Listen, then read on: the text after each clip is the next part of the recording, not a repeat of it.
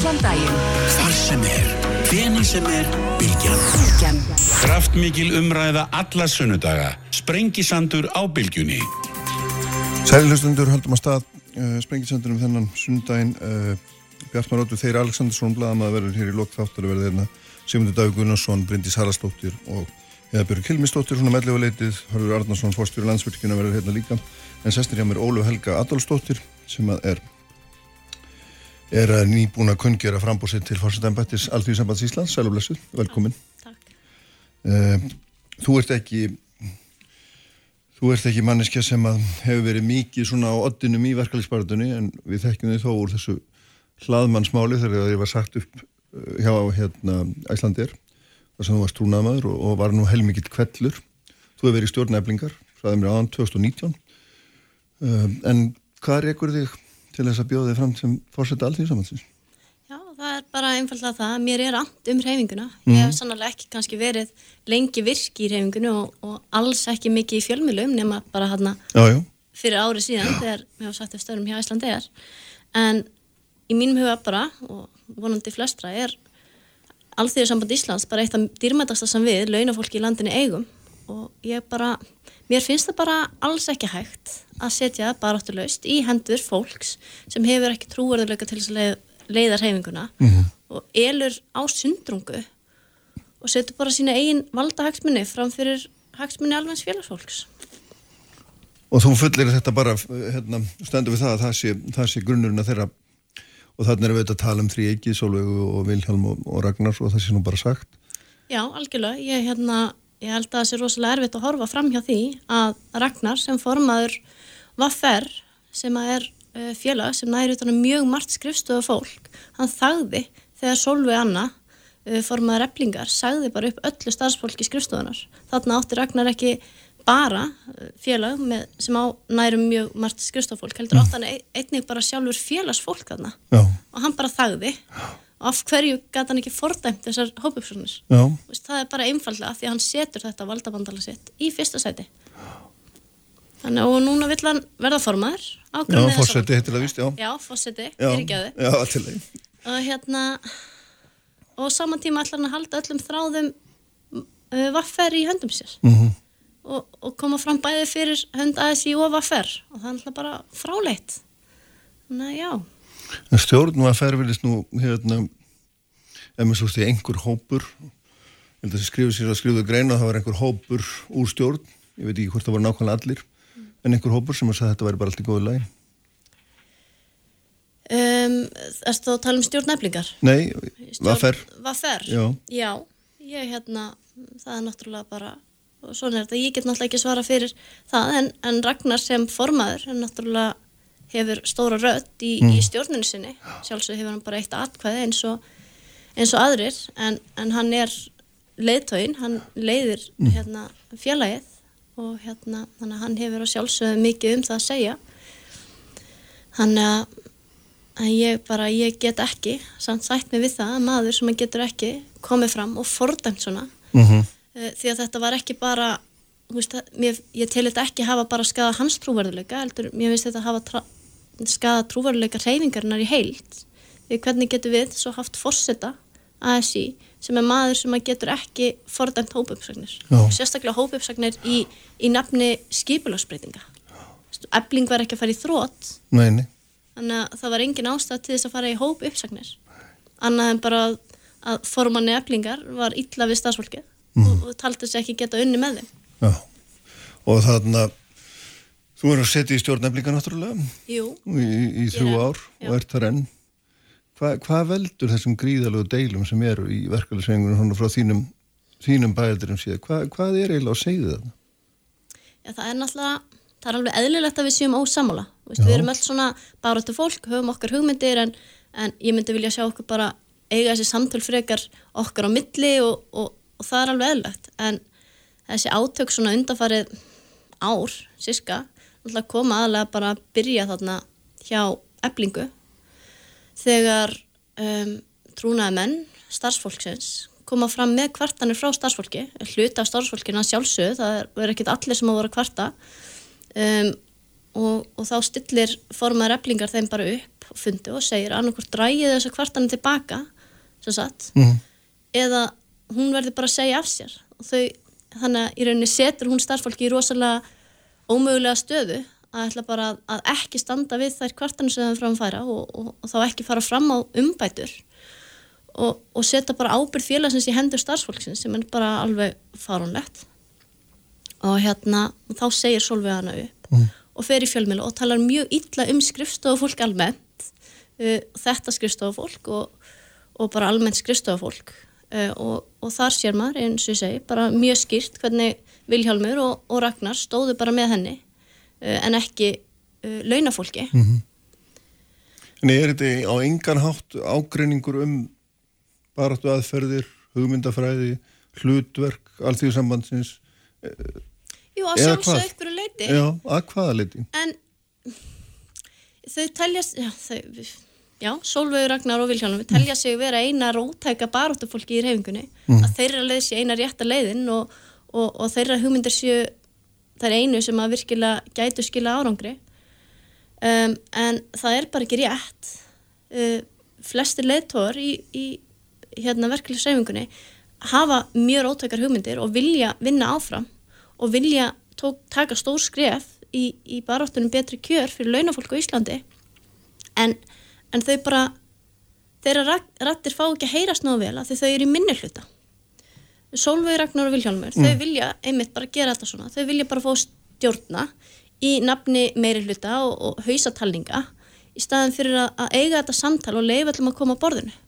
Þannig að þetta snýst í rauninni bara um í, að mínumati valdagræðki þau vilja bara fá að stýra og þurfa ekki að hlusta á aðra. En það höfum við séð Ragnar alveg í einhver skipti komið í fjölmiðlum og, og sagt að, að hann muni fara bara úr ASI hérna af því að það vil enginn hlusta á hann sem er rosalega skrítið.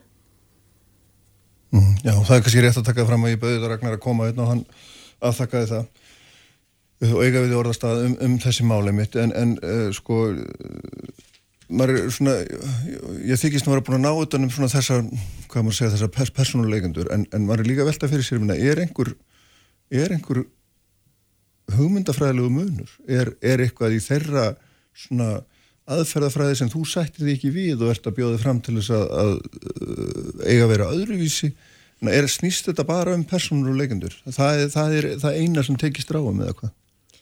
Sko, hugmyndir okkar fólks í verkefliðsreifingunni almennt eru, já ég held eh, að miklu leiti bara mjög svipar við hefum mjög stóra sameila hagsmenni og það eru, já þeir eru bara stórir og mjög mikilvægir að sjálfsög eru við ósamala um suma hluti og erum mm. ósamala með aðferðafræði, já já en það sem að er, kemur fram frá þeim sem er búið til til þess að íta undir einhvers konar sundrungu er einhvers konar hugmyndur um að ákveðnir aðla séu hlindir að taka upp saleg og einhver svona vitleysu sem að þing ASI er löngu búið að slá út á borðinu. Ára 2016 bara rætti þing ASI um þetta mál og það var bara mikill samhugur um það að saleg væri ekki til umræðu. Þannig að í rauninni er, er hugmyndafræðin ekki ólík, hvorki sko áherslu máli eða, eða hvernig á að gera þannig þó það séu ykkur litlir áherslu munir. mm Þannig að í, í mínum huga núna snýst þetta stóru leiti bara um það að ég tel Ragnar ekki hafa trúverðuleika til þessa leiðarhefinguna.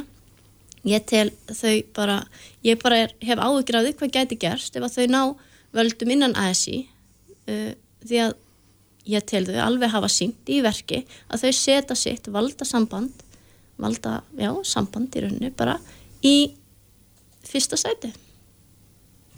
Hvað, hvað heldur að muni gerast á þessu þingi því að nú, er- nú er hérna nú er auðvitað hérna vissulega margir búin eða þeir, þú ert í hoppið hól sem að skrifaði grein til þess að hérna svona uh, í döndur það að Ragnar næ ekki kjöri og sagði einmitt að hann, hún var ekki treystand og framvegis mm. er, er, er þetta fjölmennur hópur sem að er þessara skoðunar þínum átti eða, eða er, er svona megin þorrin bara eitthvað megin lætir að yfir sig ganga vil ekki taka afstöðu Ég held að þetta sé, þetta er svolítið blandað. Það er hérna, stór hluti fólks er uh, sammála því sem að ég er að segja og sem að við, fólk sem að skrifa um undir þessi yfirlýsingu, uh, sendum frá okkur.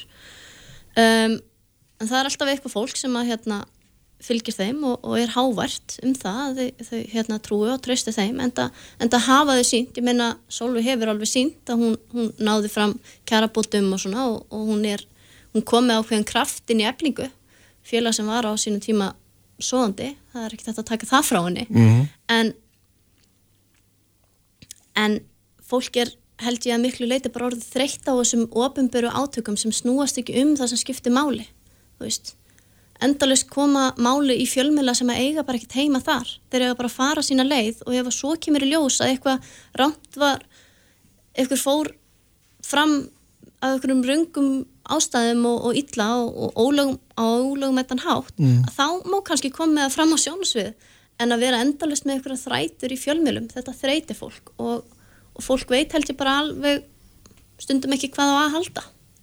Nei, nú er Solveig Anna til dæmis talað mikið, eða mikið, hún hefur verið svona afdrátt að lausum það að það er beita alltaf verkvælsvapninu meira heldur en gert hefur verið. Mm. Hún hefur verið skilegum það. Mm. Ert þú sammálan? Er, er það einhver einhver dagur þú ert sammálan um það? Hvernig... Ég er alveg sammálað því að við eigum að beita verkvælsvapninu þegar það sé þörf. Ég er aftur á móti á því að við eigum að byrja á, að, á samtalenu áður en við förum að að öskra verkfæll, mm. sko. -hmm. Mér finnst mikilvægt að við séum með það á hreinu að að við séum tilbúin til samtals því að hérna ef að við erum strax búin að klæða okkur í stríðskalan þá eru hinn strax farnir í vörð og ég sé okkur ekki ná miklum framförum og, og árangri í, í, í samninga viðræðum ef við getum ekki einu svoni reynd á samtalið mm -hmm. Hvað myndi allt því samandi vera öðru við síndir þinni fórustu heldur en, en Ragnars? Er, er, myndi vera mikil munur á því eða hvað?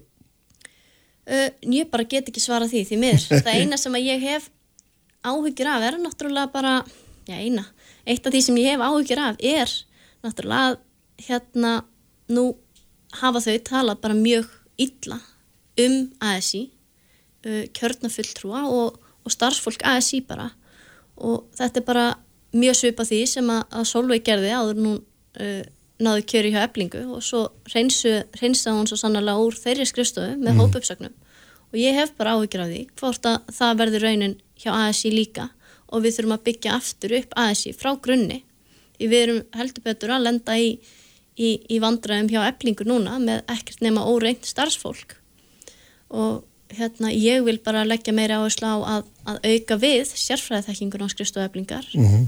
og það væri rosalega erfitt að, að þurfa að byrja alveg frá grunni ef að ætla að segja allum upp Já, við skulum ekki gera því skóna svona óatöðum álega en, en, en uh, sko, það sem að veldur þetta fyrir sér er svona nú er þess að deila búin að vera eins og segir eitt, tvö ár og það sem að hérna, augljóst að það er mikil ágreiningur um hvernig á að beita allþjóðsambandinu í þá hérna launafólks í landinu og það er alltaf mjög vísamtök og þarna eru skrifstofmenn og innadamenn og verkamenn og, og, og konur og svo framvegis og, og hérna fólk sem er á lágun launum og líka fólk sem er á bara príðilugum launum, það er mjög mikil munur þarna innan uh, og, en, en hangir aðeins í saman ef að í kjölfar svona delna, ég menna, er, er það ekki lítið svona flókimál að halda það í heiður einhverja heildarhagsmunni eftir að fólk er búið að að rýfast með þessum hætti í svona langan tíma? Nei, ég, Nei. ég menna þinga að sín náttúrulega er, er þar likur valdið í reyfingunni og, og þegar þingi velur sér uh, fósita þá er það náttúrulega bara aðeldafélagana að vinna með þeim fósita Já, það hefur nú ekki gengið vel Nei, Nei. það hefur ekki gengið vel Hvers vegna hefur það ekki gengið vel? Mm -hmm. Einfallega því að ákveðnir aðlar í reyfingunni hafa ekki geta sætt sér við að þeirra hugmyndir séu alltaf settir í forgang það eru, eru heildar hagsmunir og, og, og það er hérna, það er samtali og þetta er bara við þurfum að vinna saman og það er að sjálfsögðu bara undir aðelda eh, félagunum komið mm. hvernig það samstarf er. En ég er tilbúin til þess að vinna með öllum. En mena, þú lítur að fallast á það að, að sá órói sem er í gangi hann lítur að hafa einhver áhrif á það hvernig, svona, hvernig framtíðir mótast. Er alveg sama Al... hvernig þessar kostningar fara hvort að einhver hérna, hvert umbúð viðkomandi fær sko er það ekki Jú, jú, að sjálfsög. Það er stór hópur og ónaði begja vegna, getur maður sagt. Já, já, en þetta er eitt af næstu verkefnum fórsetaði að sí, að sjálfsög uh, hérna það verður að samina reyminguna, en en það eru fleiri mál sem að þarf að hugsa um og, og, og í rauninni kjærasamlingandi sem framöndan eru þeir hljóta að sam, sameina að ykkur leiti reyfing hérna, allavega starfsgrunasambandi, félaginn þar og hérna þannig að við bara við verðum að, að reyna að setja þessar erjur og, og ósætti aðeins til hliðar fyrir okkar hagsmunni og það er kannski svolítið grunnur að þessu, við verðum að geta hort áfram. Já. Uh, hvernig, er, er, hvernig fer þetta síðan fram? Þegar þú hérna mætir á þingi þá þarf þetta að fara að halda einhverja frambúsræður og, og þess að þetta er ekki sett?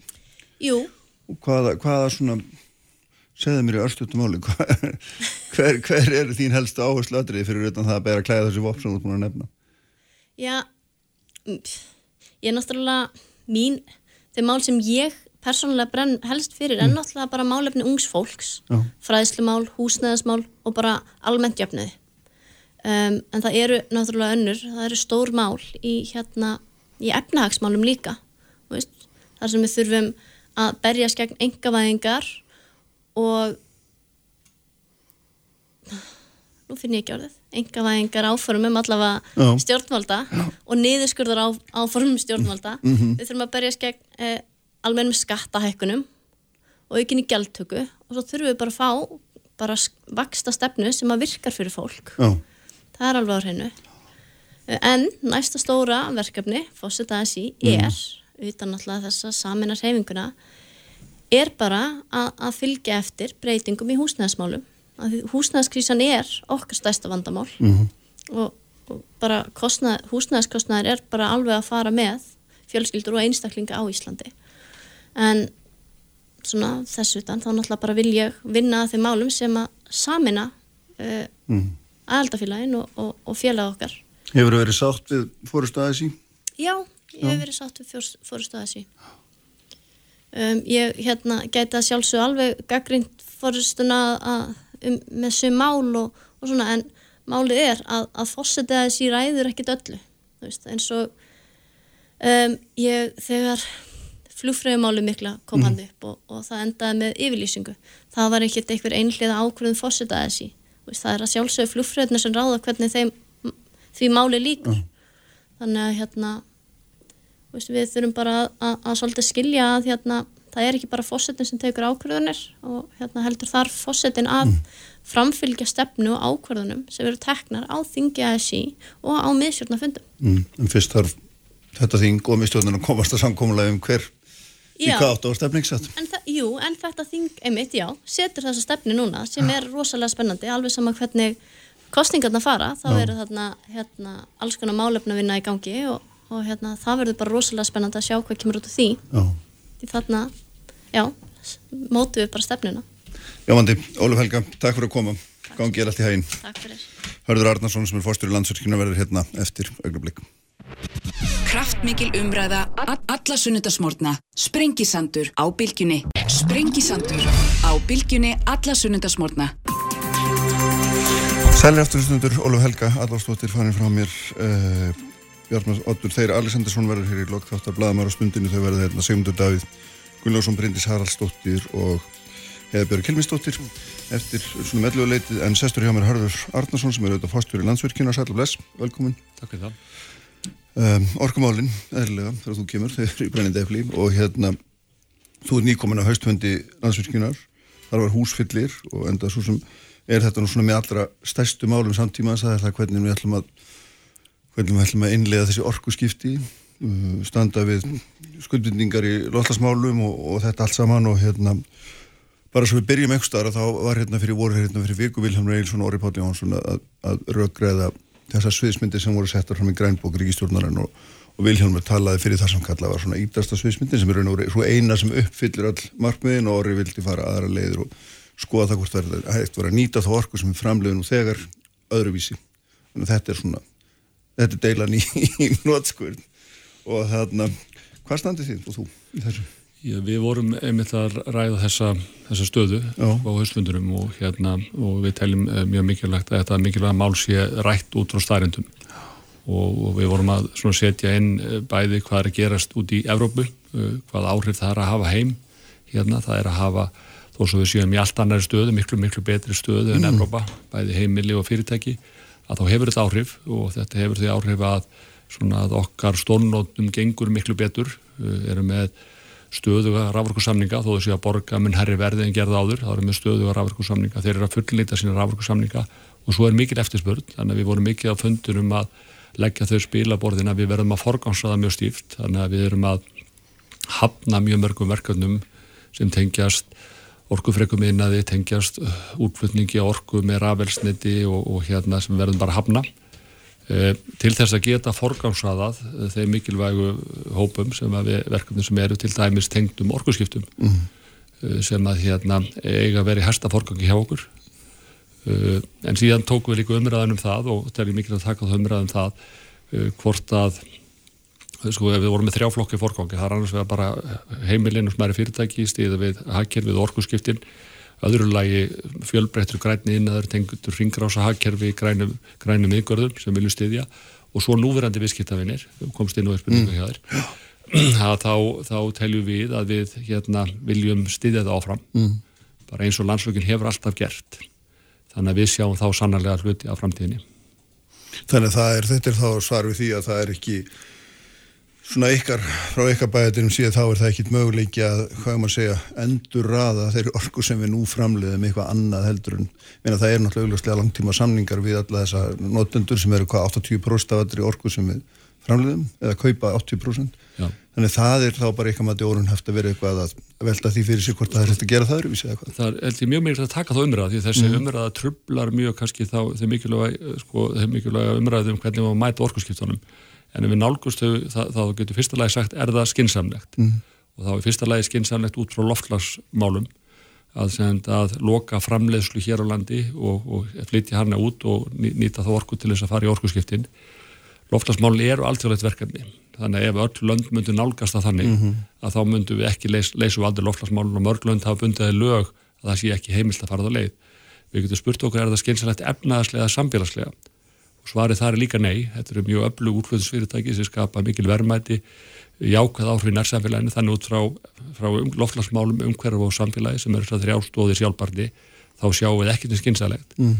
Í öðru lagi eru langtíma samningar sem þarf að, þarf að virða og í þriðja lagi eins og, eins og kannski við stundum er rætt að stjórnveldi að beita sér gegn jafnvel einstökum fyrirtækjum að þeim verði lokað. Mm. Það er stennst bara öllum líkjum ekki íslensk lög að stjórnvöld beiti sig að neðstöku fyrirtækjum nýja alltjóðlega skuldbindingar Íslands. Þannig að þetta er hvorkið skynsanlegt, nýja færleið okkar mati, en það er mikilvægt að ræðana og þeirra aðela sem telja að þetta sé skynsanlegt og mm, hægt mm -hmm. að þeir leggja það fram.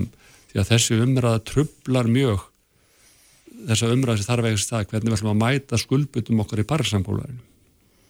Þannig að hérna að því að nú hefur auðvitað verið svona, hefur komið til tals og það er, þú hefur verið hérna hjá mér út af því uh, einhvern tíman fyrir einhverju síðan að hérna Ríða Tintó myndi loka í Strömsvík það var í lítið alvert og gamalt og hérna og bæri sér ekki vel framvið sem auðvitað getur það alltaf komið til álita hálfu eigundana sjálfra að hætta starfsemi sem myndi þá gjörbreyta stöðunni en, en greinlegt að ykkar mati að í augnablíkinu þá, þá er ekkert í spílunum sem að sem leiður okkur þangað. Það er alveg ljóst allar vesmiður sem eru byggðar munu, munu loka. Já, en þannig gera þær og þessin voruð mjög gömul.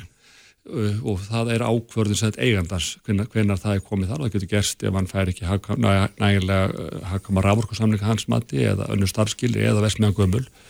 Vesmiðunir hérna eru allar uh, mjög sangiðumsæfar þeir eru allar að framleiða mm. vörum með hvað lagsta kólumnisporinu þannig að það er ekki líklegt að gerast á næstunni. Og það er mikilvægt að sko, við vorum á síðustu áratu að takast mjög á við álverðin um að hækka rávorkuverðin þar var ím, voru ímis orð látin falla sem er bara hluti af þessu samlingaveraðum og, og það er svona hefbundið að hóta lókun eh, verksmeiða í samlingurum er bara gert, alltaf gert alls þar í heiminum. Oh. Þannig að ég held að það á okkar mati var það aldrei raunveruleg ógn en það er versmiðan bara velreikin og samkynnsæð versmiðan. Hvað hva er svona, ef við, ef, við, ef við göngum bara út frá því að þetta sé hérna svo sviðismynd sem við erum að vinna með þetta, þessi hérna ververið þarna áfram þá kaupið það orku sem það kaupa og við ætlum samt sem áður að ná okkar markmiðum í, í hérna loftasmálum um orkskipti 2040-50 2030 fyrst á samkomlega það er að við horfum fyrst á 2030 já, sem er parisamkomlega sem, sem er ekki valkvægt Nei, akkurat, allt í fína getum alveg farið þangað því það er bara morgun En, en veist, hérna, það er engin álversni að fara þá? Nei, það er alveg ljóst það er, er alveg ljóst að misfast ekki við þá samlingar sem geta svo þegar maður er að, er að horfa í þessa tímaling þá, og ég var að lesa mér eitthvað til um það sko, þið eru búin að vera í 30 ár að undirbúa hérna virkun í þjórsá. Í 30 ár. Og þeir eru búin að vera í 10 ár að hérna, undirbúa búrfælslund þar sem að vera vindorku. Að þetta er líka tímaskali sem er ekkert að því svo er hristra Þannig að við erum að vinna með verkefni sem taka mjög langan tíma en þurfa eiginlega samt að gerast á morgun. Og þetta eru verkefni sem við vorum að tala um þannig sem við erum ekki byrjið á sko. Nei, nei, áttum við á því. Kálsarvirknir er ekki... Enn lengra þannig til að kemur þetta. Það tekur langa tíma að undirbúa verkefnir og byggja verkefnir. Þetta eru svona flóknustu framkvæmdi sem er ráðust í á Íslandi sem að bæði að flækjust í og raun og veru umfangi. Mm. Þannig að það er ellett að taka tíma. Ég myndur samt segja að þetta, te þetta tekur of langa tíma núna við þurfum að vera með svona skilvirkar í leifisveitingaferli án þess að gefa nokkuð eftir í gæðum. En það er mjög mikilvægt að í orkuðinanum að við þurfum að horfa til langs tíma. Og það er líka áreittið að sérstaklega oft í umræðinu mætti halda það að orku skiptin væru fyrir orkuðinaðin mm -hmm. það er að sjálfsögð ekki. Við þurfum ekki, sko, það er ekki orkufyrirtækin sem tóku ákvörðunum að það ætti að fasa út allt jarðnestindi og orkufyrirtækin er að nota sáraliti jarðnestindi við erum engungu sko að segja hva, hva, horfa á hvað gætu við þurft að gera til að styðja þessa vekkferð en mm. það er raun og veru ferðarþjónustan, það er sjávarótur það er flutningaðinarinn sem þarf þessu orku. Uh, sko en, en, en, en við þurfum að undibúa framkvæmdir ef við mögulega eigum að fara í það og erum í mjög virku samtali við saðila mm. en frumkvæði verður að vera hjá þessum aðeins sem að þurfa þetta og þeir verða að svara fyrir því hvenar er alltaf að gera þetta það eru þeir sem er að nota þetta jarðarmerkindi. En þú hefur þekkingar einhver síður og getur sagt mér mm. veist, ef við ætlum að ná þessu markmiðum 2030, 40, 50 mm. þá verðum við nú alltaf að vinna þetta mikið hraðar heldur en við erum, höfum verið að gera með það sem að líkur fyrir. Já, ég held að það, það sko, við þurfum að, hérna, þurfum að vinna markmiðum. En er þetta þá raunhægt? Uh, sko, ef við náum þess ekki markmiðum 2030 mm. uh, þá verður það verulegur áleið snekkir fyrir Ísland að ná ekki að uppfylla parasangumlæði og þau lönd sem að, að uppfyllaði ekki munu lenda í sem sektum á hverju ári. Þannig að það, það er í raun og verið engin önnur leið fyrir okkur heldur en að takast á við þetta. Eh, ég held við þurfum að hilsa það að gera okkur eins og við setja okkur önnur markmið til þessum jarðarna elsnettislaust Ísland 2040. Já. Hvað eigum við við með því? Við þurfum að ræða það betur. Nú sjáum við hvað þarf ef við, ef við tökum allt inn í þetta millinlandaflug og annað sem er mjög stort í þessu dæmi. Já þá, þá, sko, þá, það er til dæmis ekki hluti af sambíla skuldbötingum Ísland. Nei, Ísland mun aldrei bera áberð á byrlandafluginu. Er, er, er það inn í þessu? Eh, hvenar verður tæknin tilbúin á þessum, á þessum sviðum sem heyra ekki undir sambíla skuldbötingar? Hvenar verður tilbúin? Það er þó nokkuð land að, að, að flugvila sem að nota elsniti verða tilbúinar. Mm. Það er þó nokkuð land. Já, já, já, já aldeilis. Það er hérna Það er alveg augljóst en, svona, það sem er alltaf forvillin til 2030, Hva, hvað þurfum við raun að vera að gera mikið til 2030 til þess að hérna, afla þeirra orkur sem við þurfum fram á þeim tíma? Og samfélagi þarf að draga úr losun á 1,3 miljón tonna sem er mikið. Uh, sko, jarðefn er þetta þar skiptir miklu máli og það er sann landflutningar, uh, hérna, uh, það eru, eru skip, sjáarútverðin og það er innanlandsflugið sem eru þar stærst Eh, svona orgu ígildið í grænbókinni fyrir, fyrir að leysa það, það eru 8 terfasundir mm -hmm. sko þetta er svona cirka 50% samdrátt sem það er nást fyrir 2030 oh. þannig að ef við bara segjum að jarðmertið sé komið helmingin þá er það 4 terfasundir með það tæknir sem við erum að byggja núna mm -hmm. þannig að það er algjörlega framkamalegt en það þarf hins vegar En það er samt rísa stórt, er það ekki? Það er stórt, það er, það er, það er samt alveg framkamalegt en það er Eh, við erum með verkefni núna í undirbúinu sem, erum að gætu mögulega að byrja á næsta ári. Að það, þau gætu leist svona alltaf tvær terafastundir e, svo eru önnur orkufyrirtæki og þessi verkefni mm. gætu verið tilbúin 2025-6 e, en, en þetta er, er til, ef við ætlum að koma ef við ætlum að eiga möguleika á leysa þetta þá þurfum við að hefjast handa. En þetta eru þetta er hérna sko heldar orkuskipt á Íslandi eins og var, voru þeirra að tala hérna um síðustu það eru 16 terafastundir Já, já, akkurát hvernig við leysum það á hvenar við höfum nógan tíma til að ræða það. Oh. en við þurfum að öllum líkjundum að minnstakosti fjóra tervarstundir fyrir 2030 til þess að mæta þessum, þessari lósun sem er innan samfélagslósunar sem er hluta parisamkomlænu helst meira eh, sko að því að, að, því að hérna, þetta er kannski þetta augljós sem við getum gert. Við höfum líka ekki gleyma því að orkukerfi sem við erum með í dag sem að hefur alveg fengið alveg ótrúlega litla gaggrinn ef maður pælir í því mm. þetta er algjörlega ósjálfbært orkukerfi við erum að flytja inn miljón tonn af ólíu hverju ári þessi ólíuvinnsla veldur mjög neikvæðum umhverfisáhrifum þegar hún raunin, að við svo horfum ekki á það og þá verðist okkur vera svona nokk saman um það. Já, já. Þetta er grunnurinn af aldrei losun sem við erum að valda. Við erum að borga yfir 100 miljardar fyrir þessu ólíu hverju ári. Að við erum að tala, við erum að, að þróa eitthvað jákvæðra, sko, svona, hérna, svona sjálfbærar orkukerfi sem byggir á endurinn orku, mm -hmm. sem er að samáðum gert í svona góðum árangri hittaveitunum og raforkunni. Um, það er ekkit auðvelt en þetta er eins og eins og hérna þetta er eins og áheins að vera mjög eftirsókn að vera vegferð sem, sem við ættum öll að styðja. Já, ég held að gerum það öll en það er bara þetta spurningin svona hverjar fórnað á móti og, og allt það sko.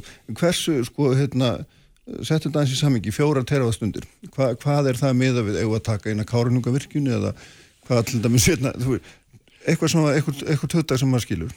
Ég veist nú ekki rétt að mæla hluti í kárnögvirkjunum að því að svoleiðis virkjun verður ekki byggð aftur Nei, en, en, en, einhver... en, kárnögvirkjun er samt 5 terafastundir þetta er, þetta er minna en einn kárn þetta er samt sambland samt af vassorku ef við horfum til dæmis á, á kvamsvirkjun að þá er hún um, um 700, 0, 750 gigavastundir eða samt tæmlega 1 terafastund svo hefur við möguleika á að stakka á, á þeistarækjum svo vindur.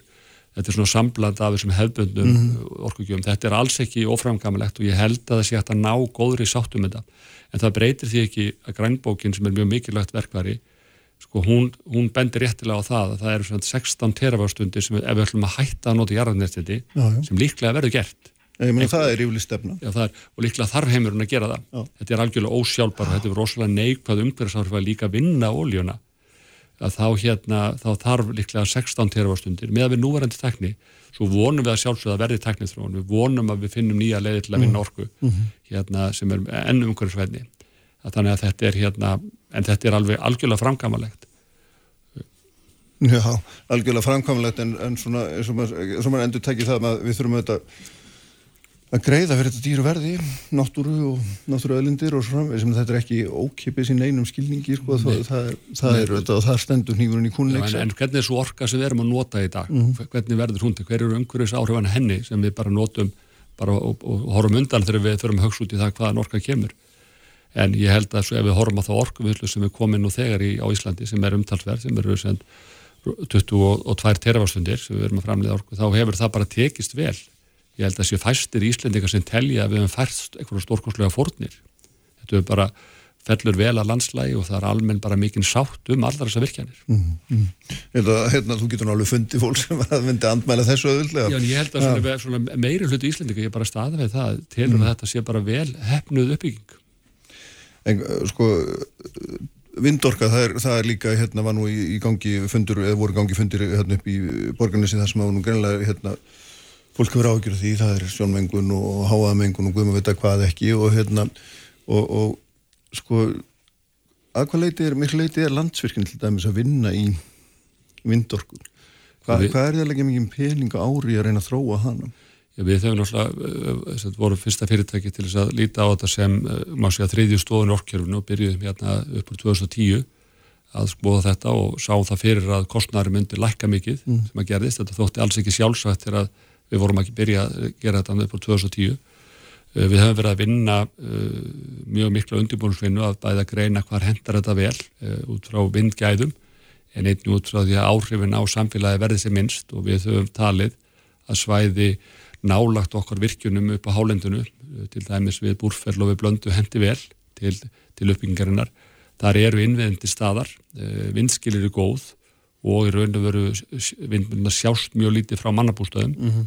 og ég held að hérna, og við vorum að fá núna tvo kosti, erum eina fyrirtæki sem við farið getur ramma áhlun við erum komið núna með tvo kosti í nýtingaflokki sem við erum bara núna að vinna fullu. Við gáttum ekkert gert áður en að ramma áhlun auk sína ferlu, við gáttum ekki unnir það er ekkert hægt að vinna í þessum verkefnum að okkar mati fyrir að niðurstuða ramma áhlunar líkur fyrir eða, eða þá lögunum verið breytt. Þannig að við skiljum ekki alveg hvernig menn fara fram með þessa kosti eins og menn er að gera núna þegar, mm. þegar engin leifi eru fyrir því. En við erum að vinna full í okkar tveimur kostum og, og hérna vonum sérstaklega til þess í, við búrfell að geta jafnvel á næsta ári lagt það fyrir stjórn að, að ráðast í uppbyggingu þeir eru hægt konið það langt að stjórnin geti á næsta ári samþitt að ráðast í uppbyggingu og hvað þýðir það nákvæmlega? Myndu þá byrja að byggja upp og, og... Já, við erum búin að ljúka umhverfismati, við erum, sem, erum bara í skipularsvinni núna, sem, við, þetta er mjög flókið leifisvendingaferðið sem hendur á það og eitt af fyrsta sem þú þart að fá er sem að bæði að hérna fá, komast í nýtingarflokki rammaárlun meðan við núverðindu lögjöf og þú þart að fá umhverfismat, við erum við erum við búin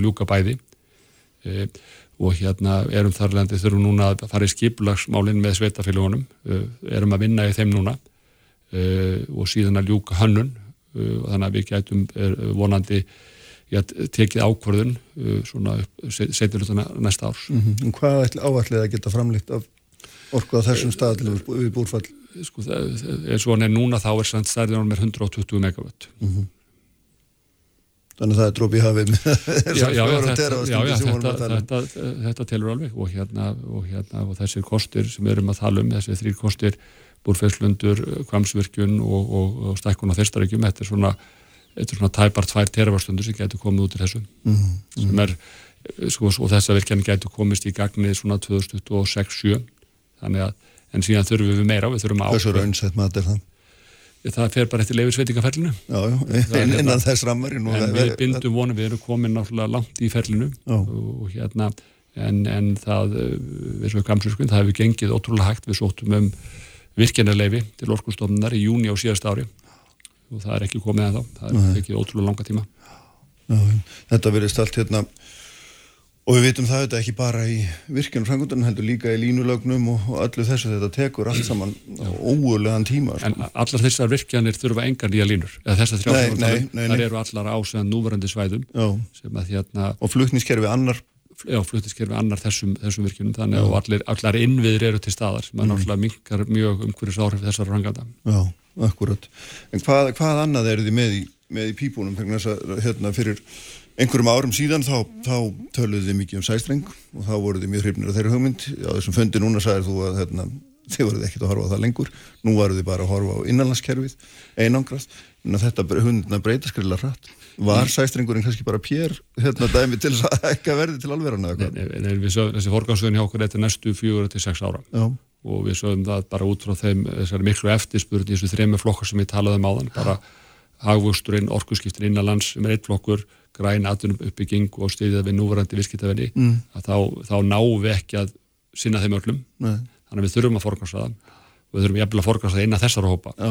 Uh, og þá sögðum við með útflutning hvort heldur á rafelsniti eða sæstreng að það sé ekki á döfunni núna uh, við segjum samt að bæðir þessi verkefni sem sjálf þá skoða í framtíðinni uh, rafelsniti gæti verið skynsvært að flytja út bara að ná hagkamni, flytja ákvæmna tegundar rafelsniti út, aðra tegundar rafelsniti inn en vera mm. kannski nett og hérna, sjálfbær.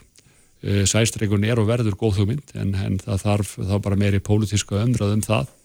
E, og hérna það liggur ekkert á því ákvæm mati. En það líka svona, hefur líka gerbreyst tónin í, í þér og ykkur varandi já, frá því kannski fyrir 5 árum, 7 árum um það að við ættum nóga vorku og hér væru menn býðandi nagandi þröskuldir en landsverkjum og vildu koma á stað, nú segir þú bara reynd út, við erum ekki taka inn fleiri stónnotundur, það Þe, er bara útilokað. Þetta er bara staða og það sem er bæði þá sem miklu eftirspurð sem er erlendir frá vegna þessara erfiðu skilir það sérstaklega í Evrópu og síðan náttúrulega sem við hefum aldrei séð á þér það er þessi sterka illenda eftirspurð mm -hmm. sem er raun og orkuskiptin uh, við hefum aldrei verið, aldrei verið með svona skýr markmið innanlands uh, og þá er bara nöðsvöld að forgansvaða þetta er öfundsverð staða að vera í mm -hmm. hins vegar, þetta er margnátti erfitt þessi verkefni sem við erum að segja nei við eru góð verkefni út frá loftlagsmálum, út frá efnaðasmálum þetta mm -hmm. árum áður hefði landsveikunum fagnað mjög mörgum þessum verkefna og reynd gert allt sem er gætu til þess að stiða þau en það er bara, staðin er ekki núna og það er ekki gott fyrir þess aðal og ekki gott fyrir okkur að það sé eitthvað óskýrt, þannig að það er bara skýr forgangsvöðin hjá okkur. Þannig að það er kannski ja, gott að við vorum ekki komið lengra. Já, það hérna það er hérna mögulega, má segja það mm. en, þetta, en hvað með gagnaveri í þessu samingi þau eru hérna, krefjast mikið orku og mikið er það ekki það sem er svona hvað mest eftirspurn eftir að uh, það er náttúrulega mjög mikið í rafelsleitunum líka Já. en, en gagnaveri þar hefur við sagt að gagnaverin eru, eru, alveg skýrt í okkar huga hluti af fremtíðinni, þetta er náttúrulega bara líki er svona skegna veigamöklu hlutverði mm. í fjórði innbyltingunni, við hefum hins vegar sagt mjög skýrt alveg frá upphafi að gagnaveri stundar rafmyndagröft eru ekki hluti af okkar framtíða sín eh, sko varandi það að fá, fá forgangsorku frá landsveikjun Uh, við hefum sagt alltaf við hefum aldrei virkjað munum aldrei virkja uh, fyrir þann skonu eina mm. þau hafa einhvern nýtt orku sem hefði annars bara runnið fram hjá virkjunum Já. og þau, þeir, þeir samningar verða ekki framlengdir og engin ný svolítið gagnavertingin inn en það er mjög áhuga að vera hlutur að gera því gagnaverðum það er búið að byggja upp þetta innvið hluta til með þessum rammyndagreftir er það búið að byggja upp sterka innvið mm. Húsinn og, og ná sér upp í stórnónda minni en, en, en rammyndagreftur er ekki hluta framtíðin í okkur En, en hvað með svona fyrirbyrðið eins og, eða fyrirbyrðið að snælda segja það, hérna, verkefni eins og bara, sko margir tala um, bara orku sparna, orku nýtingu og allt þetta vegna það er það ekki þannig að, hérna, mann ekki töluna en, en, en þarna, það er, það er, það er gríðalegt magna orku sem liggur ónotað í kerfinu og kemst ekki vegna ímins að flöskuhálsa og svo framvegis og milli svæða og svo framvegis. Getum við ekki gert miklu betur í þessu og þar með dreigið úr þörfinni fyrir nýframkvæmdur eða hvað? Við hefum alveg, það, það er raun og veru mikilvægastu lutur, mjög gott að komast inn á það mm -hmm. en það byrjar bara hjá okkur sjálfum að við hefum að leita allra leiðar til þess að spara orku til þess að hérna, þetta er takmörskuðölind og hérna og nýta hana sem allra best uh, við munum, vestræni heimur mun þurfa að breyta neysluverjum sínum bara ef við horfum fram að við, við erum að nýta nota svo miklu orku markmið allt í orkumálstofnunum orku notkunin í heiminum haldist jöfn, aukist ekki en hún mun í mörgum heimsólum aukast mm. í Asju, Afríku uh, hér Suður Ameríku þar sem bara lífskjör eru slögg og fólk bara gerir kröfu um bætt lífskjör en vestræni heimur þarf að draga úr orkunótkun með breyttu nesluvinu það er rosalega mikilvægt og rosalega hérna uh, að við aukslum ábyrð þar og þurfum að mm. saminast í því við þurfum að bæta alla nýtingu og við höfum verið að reyna það mjög mikið á landsvíkinu að nýta líka mjög mikið betur þessi svæði sem við erum með. Og til dæmis þessar virkjan sem vorum að tala um á þannig til dæmis virkjan í neðri þjósa og, og hérna bætt nýting á þeistarækjum er raunverulega verið að nýta þau svæði sem búið er að brjóta.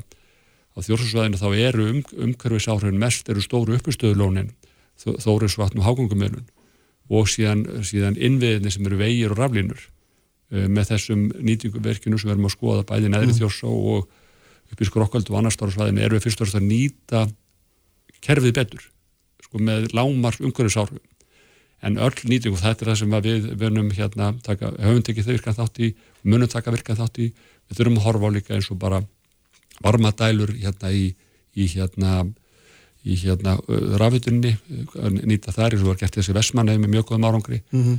Uh, og svo þurfum við bara að vona það líka til að segja svo rafelsniti að þá náist nýting, bætt nýting uh, það er einna görlum rafelsniti að nýtist bara hluta en orku nýttni, breytta neysluvenjur er bara samilegt verkefni sem við erum öll sammálu um að er mjög mikilvægt en það breytir í raun og veru mjög litni í stórumyndinni. Mm -hmm. Þetta er svo stort verkefni sem fyrir okkar að taka út miljón tonn af já, já.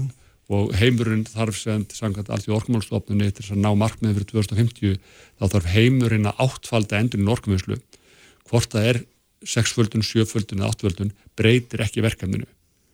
Það er bara vonandi að vera á sexföldunni að því náum að spara, spara orku. Já, já. en við, það, hvernig við nálgunst verkefnið þegar við förum á stað breytir engum og þessi, það, við erum að muna það að við erum að nota miljón tonn á hverju ári já.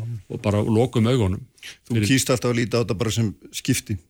Þetta er, nýtingu, þetta er bara skipti á, á sko, orkugjafa í raun og veru. Samlega því eigum við að gera allt sem við getum til að bæta nýtingu. En, en við getum ekki fært umröðana frá því að við þurfum að koma með annan orkugjafi í staðin með bættir nýtingu.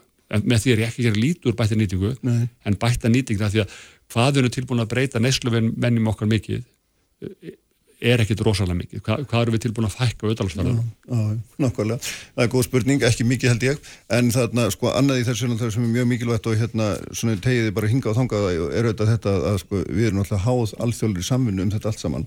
Eh, allt sem að snertir millilandaflögu og skipasiglingar það því lítið fyrir Íslinga að setja ramagn á skipi sína eða get ekki fengið ramagn í höfninu sem það er að fara í Já. og svo framvegis. Og þetta náttúrulega tefur eða getur tafið þessa þróunallegsar. Jú, jú, það er hérna mjög mikilvægt innviðnir, innviðnir fylgjið með, þess vegna er svo mikilvægt að við, við sko tökum umræðan og til dæmis um svona þessa sem að trublar umræðan oft mikið um hvort að við eigum að, að hérna bæta orkunýtni, bara öll saman á það, ekkert mm, mál mm, mm. eða loka álveri, tökum umræðum það mm -hmm. og, og komumst bara niðurstöðu þar og þá, þá verður við sammál um að þetta sko, og þó að við veldum alveg saman hvað kemur út úr þessu tveimuturislega en það breytir stóra verkefni ekki neitt að sko, hætta að nota jarðarnælslit í heiminum mm. að það er bara svo mikilvægt þetta er eiginlega mesta áskorun fyrir þessi loftlagsverkefni bara alls þar í heiminum er þessi anstaða við endurinn orku og þess að maður bara endur speklast í hvernig saminu þjóðanar tala. Það tók ekki allir eftir því að sko, aðala frangastur saminu þjóðana núna bara í höst skrifaði grein í visskiptablaði, mm. við skrifaði henni grein í öll blöði í Európu, þar sem maður var bara með ákall til allra þjóða bara guðana bara um hættiði að flækja hlutina því verða að fara í verkefni Já. það að sko aðleitar allt í uh, saminni þannig að hann skrifar ekkert oft svona í blöðinu, hann var mjög skýr, sko, skýrt hvað hann sagði, ég var mjög mhm. hissa hvað þetta fekk lilla aðtegli, að þetta er bara ákaldir heimsins, að ef við ætlum að takast á þetta verkefni, mm. þá verðum við að hætta að nota jarðanvestinni sem við einhvern veginn bara, enn og aftur bara við horfum bara fram, það er ekki að gaggrina það, það er bara eitthvað sem við sættum okkur við. Mm. gríðarlega skadalegt, bæði umhverfislega og óloflaslega Eh, en, en gríðarlegar efnarsleir hagsmunni bundnir líka sem að toga móti sko. Já, já, það er, það er þeir náttúrulega þeir, þeir hérna, hafa mikil áhrif í umræðinu við skulum ekkert, ekkert hérna og hvernig þetta er loflas áhrifin eru tölu niður, við skulum ekkert var í grafgötu með það að þessi olju innar hefur mikil áhrif á þar upplössingu óraði sem er sett í gang þar mm. En bara eitt hérna lokum sko, þegar þú talar um þessar 16 teravatstundir sem við þyrstum fram til, hvað þá, 2050 vandarlega? 2040, ég sagt, við þurfum að ræða já. samt, veitu, hvað er inn í jarðnæltið til Ísland. Ég er ekkit endilega vissum að millanda flugs hafi verið inni þeirri tölu sem stjórnvöld töluðum, ég er ekki endilega vissum, stjórnvöld þurfa að svara því. Já, akkurat, en uh, hvað, hvaða umfang er þetta af framkvæmdum, peningum, Þetta er mikið, þetta er mikið, já, þetta er, mikið þetta, því, þetta er hérna spurning hvað er hægt að gera þetta líka rætt út af því að það er líka spurning sem mun verða hvenar verður tæknin tilbúin að taka við þessu, hvenar verður ferðað einaðurinn mm. tilbúin að taka við rafveldsnit í stæðin fróljum til dæmis, eða rafvæðingu ef það er hægt beint, mm. hvenar verður sjávarðunum tilbúin, sko hvað þetta verður gert hratt, ræðist miklu meira af því, miklu meira mm. heldur en hvenar við getum virkjað en ég held... Vantilega ræðist þetta líka því hvernig þú getur flutt orkuna. Já, já, og það getur að vera gríðala fjárfstingar í því en, líka En þú getur spurt, verða, þeir, verða þau tilbúin 2040 að taka við þessu og við tilbúum orkuna, já. ég held við miður að svara við því sín nei, en við gætum verið komin vel á veg. Gott og vel.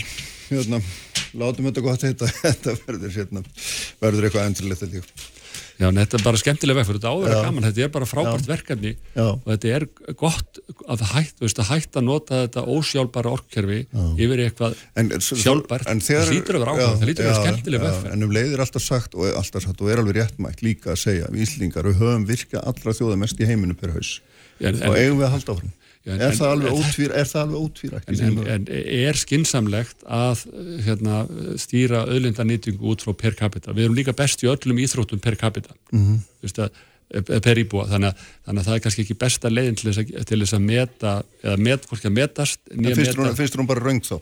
Hún, hún er bara ekki, ekki góð nálgun og sérstaklega ef maður segja sko, aðra þjóðir munu innan nokkura áratuga allar, allar þjóðir sem ætla að vera orku sjálfstar verða komnar í jafnmikla raforku framlegslu per íbúa eins, mm. eins, eins skrítin hérna, nálgun það er og við erum í dag. Mm. bara rafvæðing orkukerfuna kallar á það. En ég held að, sko, hérna, að, að, að veiða eftir að eiga að stýra fiskviðum okkar eftir hvað veiðu marga fiska per íbúa. Mm. eða eigum við að, eigum við að hérna, fá ferðamenn inn í jafnmarga öðurlendanýting og grundvelli þessa. Það er miklu skeinslega til að horfa landnýningu hvað er að nota mikið að landi? Já Sko við erum að nota mjög lítið af okkar landi innan við kringum 1% í orku, orkuvinnslu. Eh, þjóðirar er að fara núna bara alveg markvist upp í 2%, miklu þjættbíla land og bara, bara segja beðunum að bara setja það í hæsta prægurtið að koma í þar einn. En, en, en að nálgast orku nýtug út frá orkuvinnslu per íbúa er ekki góð mæleining og ekki skinsamleg. En jábel þó með nótana þá verða aðra þjóðir komnir þangað tel ég, já, innan 10-15 ára. Mm. Ljómandi. Takk fyrir þetta hörður, gaman að fá þig. Takk fyrir Það verði hérna Simundur Daví, Bryndis Hallastóttur og Heiðabjörg Kilmistóttur eittur augnablík Sprengisandur, alla sunnudaga á bylgjunni. Sprengisandur á bylgjunni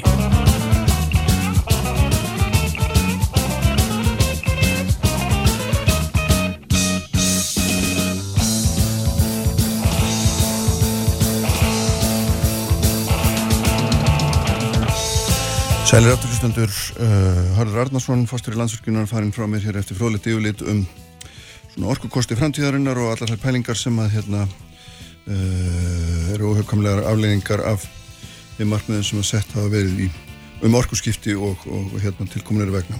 Lortlagsbreytingan og Bjartmar Þór Bjartmar Þeir alltaf ég nú að segja Ótur Alessandursson verður hér eftir og eftir bladamara stundinni ræðum við um málumni þessu tengt náttúrulega orku og, og lofslag því ætlum að ræðum plast eins og við gerum nú æfilega þegar hann kemur. En þau eru sestirni hjá mig Simundur Davíð Bryndís og Heiða Björg. Uh, Sæl Blessuð, Aldrú, velkomin Fyrst nefndu tvö þetta alþingismenn og Heiða Björg Borgaldrú og formaður sambandsíslenska sveitarfélag var hann formaður samfélkingarnar og ég tel ykkur á þeirra Ímislegt bara nákvæmlega. Hérna, Mér langaði að hérna, tala við ykkur aðeins um innflytjandamál mm -hmm. uh, sem við getum kallað uh, hérna, og stundum er þetta kallað flótamannamáli eða hælisleitndamáli eða, eða hvað sem að hérna, og, og, hvað sem bestra nefna þetta og þið voruð sjómdur og brindis bæði í heimskunum Norrlandunum fóri hérna, mikla ferð þar sem þið voruð að skoða hvernig Norrlandu þjóðunar hérna uh, nálgast þessi mál mm.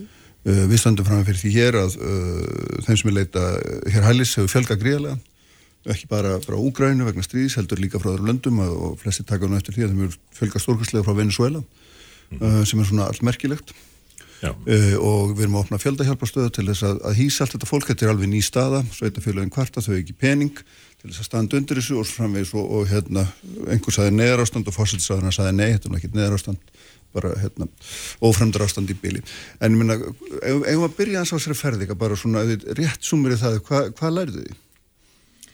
eins á að byrja.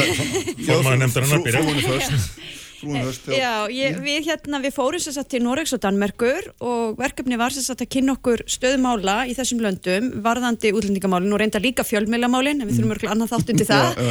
Eh, við vorum að hitta sér satt útlendingastofnur viðkomandi ráðuneyti e, Rauðakrossin eða, eða sagt, samtök sem að hafa unnið með flottamönnum og svo þingmenn og mér fannst það sem ég lærði einna helst og mér fannst mjög ábyrrandi er að í þessum löndum ríkir sátt mm -hmm. það er ekki þessi mikla pólitiska deilur sem verið hafa hér á landi nýja svona samfélagslegar deilur þannig að það virðist vera sem svo að e, í þessum löndum að þá eru er þau bara búin að ná svona þannig utanum þetta að það er almenn sátt um þá stefnu sem þau eru að reka. Það finnst mér eitthvað sem er til eftirbreytni og það er nú kannski hluti til ástæðan fyrir því að ég vildi fara e, þessa ferð því nú er ráðherra búin að, eða ráðherrar, þeir mm. hafa verið nokkrir, uh -huh. sem hafa fjóri sinni lagt fyrir frumvarp um breytingar og útlendingarlegum hjá okkur og það verður aldrei gegnum þingið og við erum alltaf einhvern veginn út um allt og allstaðar í mjög tilfinningaríkri umræðu um útlendingamál mm og mhm. málumni flóttamanna. Þannig ég held að sé algjörlega nöðsilegt að við einhvern veginn náum utanum þetta, tölum út frá staðrindum og finnum betri leiðir. Ég er ekki að segja þetta sé allt í óefni hér eða það sé alveg ómögulegt eða eitthvað, en við þurfum að aðlega lögin og ég held að við getum ímislegt lært af þessum nákvæmum okkar sem að hafa kannski verið í mun lengri tíma að taka móti flottamönnum og ég hef sagt að ég horfi sérstaklega til normanna, mér er mjög áhugavert hvernig þeim hefur tekist e, það sem að þeir kalla þá aðlugunarstefna ég verða að veikjana mista ekkit fallegt orð mm. þegar við erum að tala um fólk en þetta snýst sem sagt um það að þegar einstaklingar hafa fengið alþjóðlega vernd í Nóri þá taka sveitafélögin við og það fylgir þeim fjármagn. Og þeir hafa ekki endilega valum hvar þeir búi í Noregi e, en það er þá hluta því að þeim er þess að drift um Noreg. Og sveitafélagin hafa svona raunverulegan haga því að standa sig mjög vel í því að aðstofa viðkomandi við að komast inn í norsk samfélag. Mm -hmm. Og við rættum þarna við e, Þingmann sem er fyrirvændi borgarstjóri eða bæjarstjóri í, í hérna bæ þarna fyrir utan Oslo og hún segi, segi bara þetta virkar, bæði út frá sko, fjárhagslegu hliðinni og kvatin sem slíkur og, og það var svona málmanna að þetta var að ganga vel þannig að þetta er til að mynda eitthvað sem ég vil horfa til mm. Ef ég nefni annað þá er það líka þannig í báðum þessum löndum að þau eru með sérstök búsetu úrræði og þjónustu miðstöð sem er bara ein í landinu. Það er að segja þegar e, flóttamaður óskar eftir hérna alþjóðlega vend í landinu þá er bara eitt svæði sem er tekið á mótonum e, í svona fyrstu atrönu þar sem verið er þá að kanna hvort að umsóknin muni fá málsmeðferð og þau búa á þessu svæði Eh, á meðan það ferlir í gangi. Þar eru þá leikskólar og grunnskólar sálfræði þjónusta, læknustjónusta og allt þetta. Mm -hmm. og við skoðum svona staði í, Danmörku, við náðum því miður ekki að gera það í Nóri en mér skilst að sé að mörguleiti sambærlegt og þetta held ég líka við þurfum að horfa á núna talandum fjöldahjálpastöð og, og svona þá stöðu sem uppi er að fólk er að flytja á milli mismunandi búsetuúræða, vinnumálastofnar eða útlendingastofnunar. Skólar eru að taka við börnum í tvo daga eða tvær vikur og svo er það færið á næsta stað og þá tekur nýskóli við og svona. Og þetta, ég heldur verðum að ná betur utanum þetta og þarna getum við lært ímislegt að nákvæmna mm. þjóðum okkar. Sigmundur, Já, þetta var áhugavert, kom ekki endilega á óvart, margt þarna, enda ef maður fylgst með gangi þessara mála í þessum löndum eh, núna í all mörg ár og við vorum að hitta hópa stjórnmálamanna úr ólíkum flokkum eða embættismenn og þetta svona fara minn varlega við þær aðstæður, í hvernig þið tjá sig. En þó fannst mér menn svona afdráttalösar á köplum en, en ég gerði ráð fyrir. En í svona ferðum er oft gott að ræða við fólk maður og mann líka. Kannski treystir sér þá frekar til þess að eh, segja hlutina reynd út og það kann að vera rétt hjá Bryndísi að eh, það sé meiri friður um þessi mál í Noregi og Danmörku núna en verið hefur eða var því að þetta var mjög umdelt tíma algjörlega. Og, tímalöst en sé meiri friður um þetta núna en svona greindi nú aðeins á um það hversu mikill sá friður væri þá er það vegna þess að þessi lönd hafa reynt að gera einhvað í málinu taka á þessum vanda og það hefur haft áhrif. Þeir eins og að vísi í Svíþjóð sem er og Svíþjóð er bara á allt annari leið. En Ísland er Svíþjóð í, í öðru veldi ef við skoðum uh, til að mynda bara ásóknuna í að, sækjum hæli. Uh, það er ekkit langt síðan að var orðið sexfalt meiri ásókn í að fá hæli á Íslandi hlutvarslega en í Nóri og Danmörku. Meiri sé að tvöfalt meiri en í Svíþjóð sem að Sexfalt í hvaða merkingum mennar fjöld, sá fjöldi sem hættir með, við, með stærri samfélagana. Áður var, var þetta hlutvall langlægst á Íslandi mm. enda Ísland fjarlægasta landið og menn þurftu að fara um langan veg til þess að komast hinga. Nú er langmest ásókn í að sækjum hæli á Íslandi og það er eins og kom nú fram á sumum fundum þarna og meiri sé að tveir ráþurra sjálfstæðisflokksins hafa loks viðurkent. Það er afleiðing af þeim reglum sem gilda hér og þeim skilabóðum sem íslensk stjórnvöld senda frá sér. Og þetta var algjörlega fyrirsjáanlegt. Það var algjörlega ljóst í hvað stemdi uh, með þetta og, og í stað þess að bregðast við því, í rauninni bara, þó ekki hefði verið nema að taka umræðana sem var algjörlega sleft, uh, þá er farið áfram í hináttina. Nú síðast í lok síðasta þings með, með nýjum lögum sem að ríkistjóðinu tókst að tróða í gegn í þriðju tilraun um það sem kallaði samræmd uh, móttaka en tryggir öllum sama rétt. Sömu greiðslur, sömu fríðindi þjónustu óháð því með hvaða hættið er koma til landsins, hvort þeim er bóðið sérstaklega valdir af íslenskum stjórnvöldum og bóðið að koma hingað og við höfum viljað gera mjög vel við það fólk sem er bjóðan til landsins eða koma á vegum uh, til að mynda þeirra glæpa gengja sem að skipulegja meiri hluta þessar ferða til Evrópu, að mati Evrópusambandsins. Sama hvað hattu kemur til Íslands, þú fær núna sömu þjónustu. Þetta gengur í berhögg við það sem Danirnir eru að gera, fósittisráðfræðan danski, sósjaldemokratinn, finnst auðvitað miklu betri leið. Já, sem ég finnst miklu betri leið, ein- einfallega vegna þess að hún er ígrunduð og byggir á áratuga reynslu Dana og fósittisráðfræðan danski segir markmiðið, hvort sem það næstið ekki en markmiðið er að enginn mæti til Danmerkur til að sækja hér um hæli menn sækju um annar staður og við ráðum því sjálf Danir uh, hverjum við hleypum inn því að Danmörk eins og metti orðaða má ekki vera söluvara glæpagengja hér höfum við verið að fara í öfu átt og við sjáum afleðingarnar núna mm. að því marki að ríkislauruglu stjóri lýsir yfir hættu ástandi á landamærunum hvers vegna, ekki hvað síst vegna þess að lauruglan gerir sig grein fyrir því að samfélagslegir innviðir ráða ekki við þetta. Heiðan, hvernig hérna horfir þetta við þér? Sko, mér finnst þetta gaman að hlusta á þetta á sama sósjaldemokrata á Norrlöndunum og þeirra leiðir til þess að stjórna að reyna að ná sam, samstöðu Formaðurinn var hérna fyrir ekkert svo mjörlingu að rökra þetta við Sigmund Davíð og þá var nú Sigmund Davíð sammála kratanum í Danmörku og, og lagi algjör og sammála. Já, ég er að segja það, en þetta er ákvæðin leið sem sósjaldemokrater fara á, mjög oft að þeir reyna ná samstöðu meðar fólks og það er ekki svo leið sem að Já, ríkið stjórnin á Íslandi hefur farið eða, eða fylgtrúar sjálfstæðsflokksins hinga til. Þeir hafa komið fram í umdelt mál og farið í baráttu og stríð við þá minni hluta flokkana að nema miðflokkin reyndar eins og við sáum bara sumar síðast þar sem að hérna voru lögð fram alls konar mál og fólk er að takast mjög harkalega á og það er kannski eitthvað sem hægt er að læra verklæginu.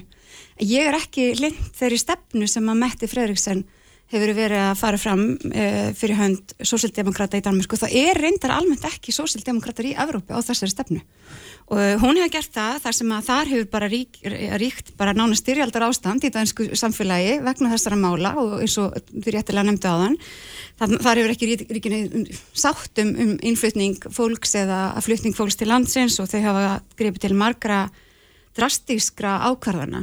Um, Ég held að við getum lært mikið af því að horfa á hvernig löndin okkar í kringum okkur gera, okkur, gera þetta og við þurfum að gera það og við eigum að gera það. En við þurfum að horfa bæði á gallana við það sem við þurfum að gera og kostina. Uh, mér finnst mjög mikilvægt emmitt eins og brindist að við tölum út frá staðröndum og, og til dæmis þessi aðlögunastefna sem talaður um í Nóriði, kannski það sem er frábröðið við hana og það sem við erum að gera er að þar skiptaði fólkin á milli sveitafélagana meðan að hér er þá óskað eftir því að sveitafélagin sínið í áhuga en kannski þurfum við ekki að fara þá leið af því að nú auglisti til dæmis e, ráður að eftir því, eftir viljum sveitafélagum til að taka við fólki frá Úgrænu það komi 40 sveitafélag fram. Það er komin samningur um samræmda mótöku, fólk sem ég held að sé mjög gott. E, þú fer náttúrulega ekki inn í samræmda mótöku nema, nema ríkið sé búið að viðkenna þú meir búa hér. Mm. og þá ætti í rauninni ekki að skipta máli hvort þú komst að veginn kvötum af því að þú upplýður því neið eða af því að Íslenska ríki fann þig einhver staðar með, með þeim leiðum sem við höfum. Eh, ef við erum búin að ákveða að manneski eigi að fá að búa hér að þá náttúrulega bara er aðeinlegt að við tökum eins sem mót öllum, okkur fannst þetta mjög gott skref og það fylgir í sjálf og sér fjármagn með og það er mikill hagur fyrir sveitafélagina að gera þetta vel og, og líka mikill metnaður, þannig ég tala nú fyrir hönd sveitafélagana hér að mm -hmm. við finnum fyrir mikil, miklu metnaði og en við erum... En af hverju varstu þá um daginn að hvart þið fengið ekki peninga? Jú, við fáum peninga, við fáum ekki fjármagn með börnunum inn í grunnskólana, ekki ennþá Uh, ríkistjórnin lofar því þó að það sé á leiðinni og ég vona það. Mm. en það er gríðarlega mikilagt að við ætlum að gera þetta vel eins vel og við þurfum að gera að við jöfnum stöðu þessara batna við stöðu annara batna og þannig eru sumböld kannski sem hafa ekki verið í grunnskóla árum saman. Uh, börn sem er að koma út úr hræðilegum aðstæðum önnur þeirra alls ekki mörg börn sem er að koma frá Úgrænu er bara koma úr sín skóla og bara í síðustu viku og, mm. og hérna koma hér og geta bara haldið áfram. Þannig að þetta er bara mjög mismönd og við þurfum að finna einhverja leið til þess að standa með þeim börnum sem Íslenska ríki hefur ákveða með í búið hérna til þess að þau landi ekki á jæðurinnum mm. og auðvitað þurfum að gera það sama við fólkið. Við höfum kallað eftir að fólk fá að vinna og það sem hefur helstað í okkur er í rauninni bara þetta tvenn það er í rauninni húsnæðismálinn það er flókið að finna. Nú voru við í Reykjavík til dæmis að, að þjónusta 1200 manns og við höfum, við höfum komið að því að reyna út við þeim öllum húsnæði. E, það koma ný, reymlega 1000 nýjar íbúður á hverju ári á markaðin í Reykjavík, það er 58 íbúður í Reykjavík núna, ef það koma 1500 manns til viðbúð, þá er það alveg flókir ef að kröfunar eiga að vera fylgkomnar íbúður fyrir alla, það er mm. það sem við erum að tala um, getur við farið einhverja aðra leiðir? Og ég var um þetta að fundi vikun þar sem fólk dásamaði leiðina sem Íslendika fóru eftir uh, eldgósi í Vestmannjum, mm. var að vinna með fólki eitt búið gáman, að búið sumabústað og þetta var bara dásamlu tími og þú veist mm. þetta var hægt, þá getur við farið einhverja svona leiðir þannig að við viðurkennum aðra bústættukosti sem, sem viðkenda bústættukosti þó er sér auðvitað í lægi, mm. þú veist við þurfum að fara þetta þannig að okkur vantar fjármagn í rauninni inni til þess að stiða við þessi börn og okkur vantar leiði til þess að finna húsnaði fyrir þetta fólk og þá er ekki mm. bara um Reykjavík, við getum alveg að tala um Búðardal eða mm. Akureyri eða veist, þetta er um allt land, Já. þetta er flókið sveitafélagum gera áallanir, það ger ekki áallanir fyrir að okkur fjölgi um 5.000 á stöfnum tíma Elgósi í Vestmannum mm. getur dögað sem samlíking varandi Úkrænu núna e, e, því að það er fjöldi fólks að koma vegna varandi tímabundins ástand mm. og getur vonum við snúið heim, ekki viljum við að rúsum takist að tæma Ukrænu af Ukrænumennum uh, og, og þetta er svona í, í samræmið það sem að eh, sáttmjölu saminnið þjóðana um flottamennum var hannaður til að takast á við. Það sem hefur eins og gerst frá þeim tíma, frá því á eftirstrísárunum, er að heimun hefur gjör breyst, samskipti og, og möguleikar á fólksflutningum og slíkt og nú fram að Ukrænustriðinu voru við farin að takast að mjög verulegu leiti á við ströym fólks sem er í leita betri lífskjörum mm -hmm. og þegar að flóttamanna vandi heimsins einast mikill og hann í raunin er þá einfallega er það ekki möguleiki að opna fyrir slíkt. Því að það mun, það mun hverki enda. Uh, stundum er talað um að, að við þurfum að hjálpa fátakari löndum að, að ná efnaðslegum árangri og þá komi fólk síður. Við höfum að hjálpa þeim að ná árangri en það mun ekki draga úr strömmnum það mun auka strömm flóttamanna frá þessum löndum. Mhm. því að lönd þegar þau verða ríkari bjóð upp á meiri tækifæri fyrir fólk til þess að fara og fjölgunin er við þá gríðarleg. að dæma fólk bara til eiljurar búsöldu að það sem nei, hefur nei, það skýrt við höfum og ekki að getur gera það. við getum ekki tæmt öll lönd sem eru Nei, nei, en Evrópa. að og þess að spyr ég sko, hver, hvert er stemt hver, hver, hvernig ætla menn að takast á við þetta? Nefnum bara eitt land sem dæmi Nígerju, sem að mun eftir rúmlega 20 ár verður orðið fjölmennar en Bandaríkin. Árið 2060 verður orðið fjölmennar en Evrópa og ein borg í landinu, Lagos verður orðin fjölmennari en allt Þískaland og í lokaldarinnar verður Nígerja orðin álíka fjölmenn og Kína. Þetta er bara eitt land, þetta er það land sem að flestir hafa komið frá í Afríku að, að undanförnu, en fjölgunin er gríðarleg allstaðar. Svo að segja, jú, við þurfum að hjálpa þessum löndum að því margir sem við getum að, að byggja upp, en lausnin er ekki svo að færa fólk úr fátækum löndum e, yfir til Evrópu e, því að það endar hvergi. Og það gerir okkur verri stakk búin til þess að hjálpa þeim sem er í mestri neyð, mm. raunverulegu flótta fólki. Bryndís, Já, hvað á ég að byrja, skilur Hérna, e, Já, ég minna, byrjaði bara á því að ræða þetta, þú veist, eru landamærin okkur of opinn? En þínum að því? nei, þau Nei, það ekki e, nei. Ég myndi í rauninni vilja hafa þau opnari, sko, ef út í Já, það er farið já. En, ég, sko, ég get alveg verið sammála því að, sko, verndarkerfi okkar er alveg rosalega mikilvægur alþjóðlegu samningur og samkomulega ríkja um að taka á móti fólki sem er í brittni neyð og það til dæmis kom skýrt fram á þessum fundi að það var e, mjög reyndur þingmaður hérna venstri í Danmörku sem sagði sko þetta er alþjóðlegu samningur reglunar eiga vera eins og þar eru. Þið eigi ekki að vera með einhver sér ákvæði eða sér krúsidúlur ofan á það. Það er til þess fallið að brjóta kerfið upp. Og það er kannski svolítið það sem að Sigmundur er hérna að vísa og það hefur verið það sem að ráðherra hafa verið að reyna að gera með þessu frumvarpir að taka út sér íslensk ákvæði mm -hmm. e, Frumvarpið dómsmálaráðherra. Já, og þau hafa þá gengið út á það, þú veist, það er til að mynda þetta, það virðist vera auðveldara að koma hinga til lands með vernd í öðru landi og sækja hér um vernd líka. Og það er auðvitað sko þá er verið að misnota þetta mikilvæga kerfi, ég er ekki að segja fólki sé þeim tilgangi en það er misnotkun á kerfinu fyrir fólki sem er í brittni neyð. Þannig að þú spyrð, eru landamærin of opinn? Nei, það til ég ekki vera. Ég er nefnilega ymmit að við þurfum að finna leiðir til þess að bjóða hinga velkomi fólk sem vill búa á Íslandi, vill vinna á Íslandi og taka þátt í íslensku samfélagi. Því staðan er ein, einfallega svo okkur vantar fólk, okkur vantar vinnandi hendur á næstu árum. Og það er þannig að það er og mjög... 2000 skiptir. Já, það, og það er mjög erfitt e, sértu ekki frá EES landi að koma til Ísland og setjast hér að og við erum búin að tala endalist um þetta þessi sérfræðileifi, sko, okkur vantar sérfræðinga á ýmsum sviðum. Við erum að byggja upp hérna opbáslega mikið að skapandi greinum og nýsköpuna fyrirtækjum og öðru. Og það er ennþá erfitt meiri sig að fyrir sérfræðinga að koma til landsins og við séum að reyna auðvelda það ferli. En við þurfum að útbýta, útvíka það á fleiri heldur en bara En þú ert sérfræðinga. að tala um að auka strömmin, ekki að minga hann, bara endur skilgreinan. Ég, sko þegar þú talar um ströym ef það er ströymur af fólki, já, ég held að það sé ekkert að því að fá fleiri fólk til landsins. Aftur á móti e, það sem að við erum að tala um verndarkerfi það sem að fólk er að koma hingað og fá vernd og er þar að lendi á kostnað íslenskra skattgreðanda út af því að þetta er fólk sem að er í bara brýtni neyð. E, að ég er að tala um að við þurfum að hreinsa út úr því kerfi það fólk sem er að leita að betra lífi og vill bara koma og búa á Íslandi við þurfum að finna Þannig að aðra fólki, leiðir þannig að fólki frá, frá komi Venezuela, býta aðeins Já, mig langar að spyrja- já, alltaf leið, sko, fólki frá Venezuela sem kemur inn í leita neyð, leita neyð, leita venda ætlaði ég að segja, Mhm. en er ekki í þessari sáru neyð, það er ekki að flýja styrjaldra átök eða hamfarir, heldur bara leita sér að, einmitt betra lífi, það ætti bara að fara inn í það að bara vera hér eins og hverjana borgari, fá vinnu og, vera hér, Mhm. en ekki að fara inn í þetta vendakerfi.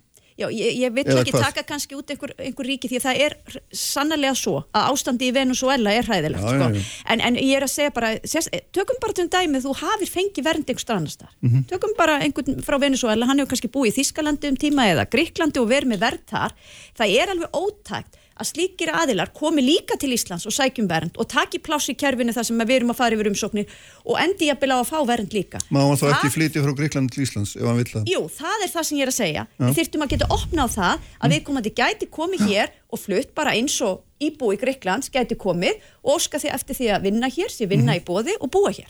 En þú ert að tala um, Já, um fjölgun bara með, með, svo með endurskilgreiningu eins og af því verið eins og vel að nefnt hérna. Það hefði nú vakið aðtikli sumra þarna sem við hittum á Norðurlöndunum að ásókn frá Venezuela til Íslands er svo næst mesta í Evrópu, ekki hlutarslega heldur í rauntölum næst mest á eftir Spáni þar sem að menn tala auðvitað sama tungumál. Finnst þér það að vera nú- löstur á okkur eða kostur? ég, ég skal svara því. Já. en nú er svo komið að, að fólk er farið að fara ég bli gegnum spán eins og um síði fréttum til Íslands. Svo að það er komið það sem að kallaðir asylum shopping það sem að Ísland er sker sig í rauninu úr þegar að me meiri hluti jafnvel eins og nú samkvæmt nýjustu tölum var komið með vernd í öðru landi en velur svo Ísland af því að þar er, er mest fríðind í bóði og finnst mér þetta kostur eða uh, löstur?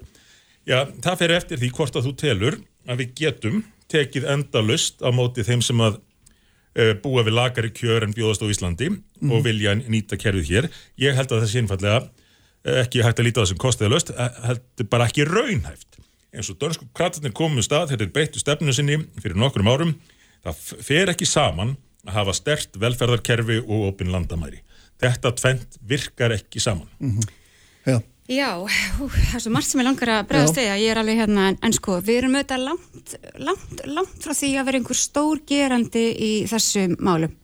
Það eru 85 miljónir manns á flótta á, í heiminum mjög, mjög lítil prósenta þeirra sækist eftir að búa í Íslandi, kemur hingað, vill það, við, við getum alveg verið róleg, það er, það er marga miljónir sem geta fluttinga bara nú þegar út frá því að við erum í EES og, og hérna í samstarfi við Evropasambandið, en það gera það ekki.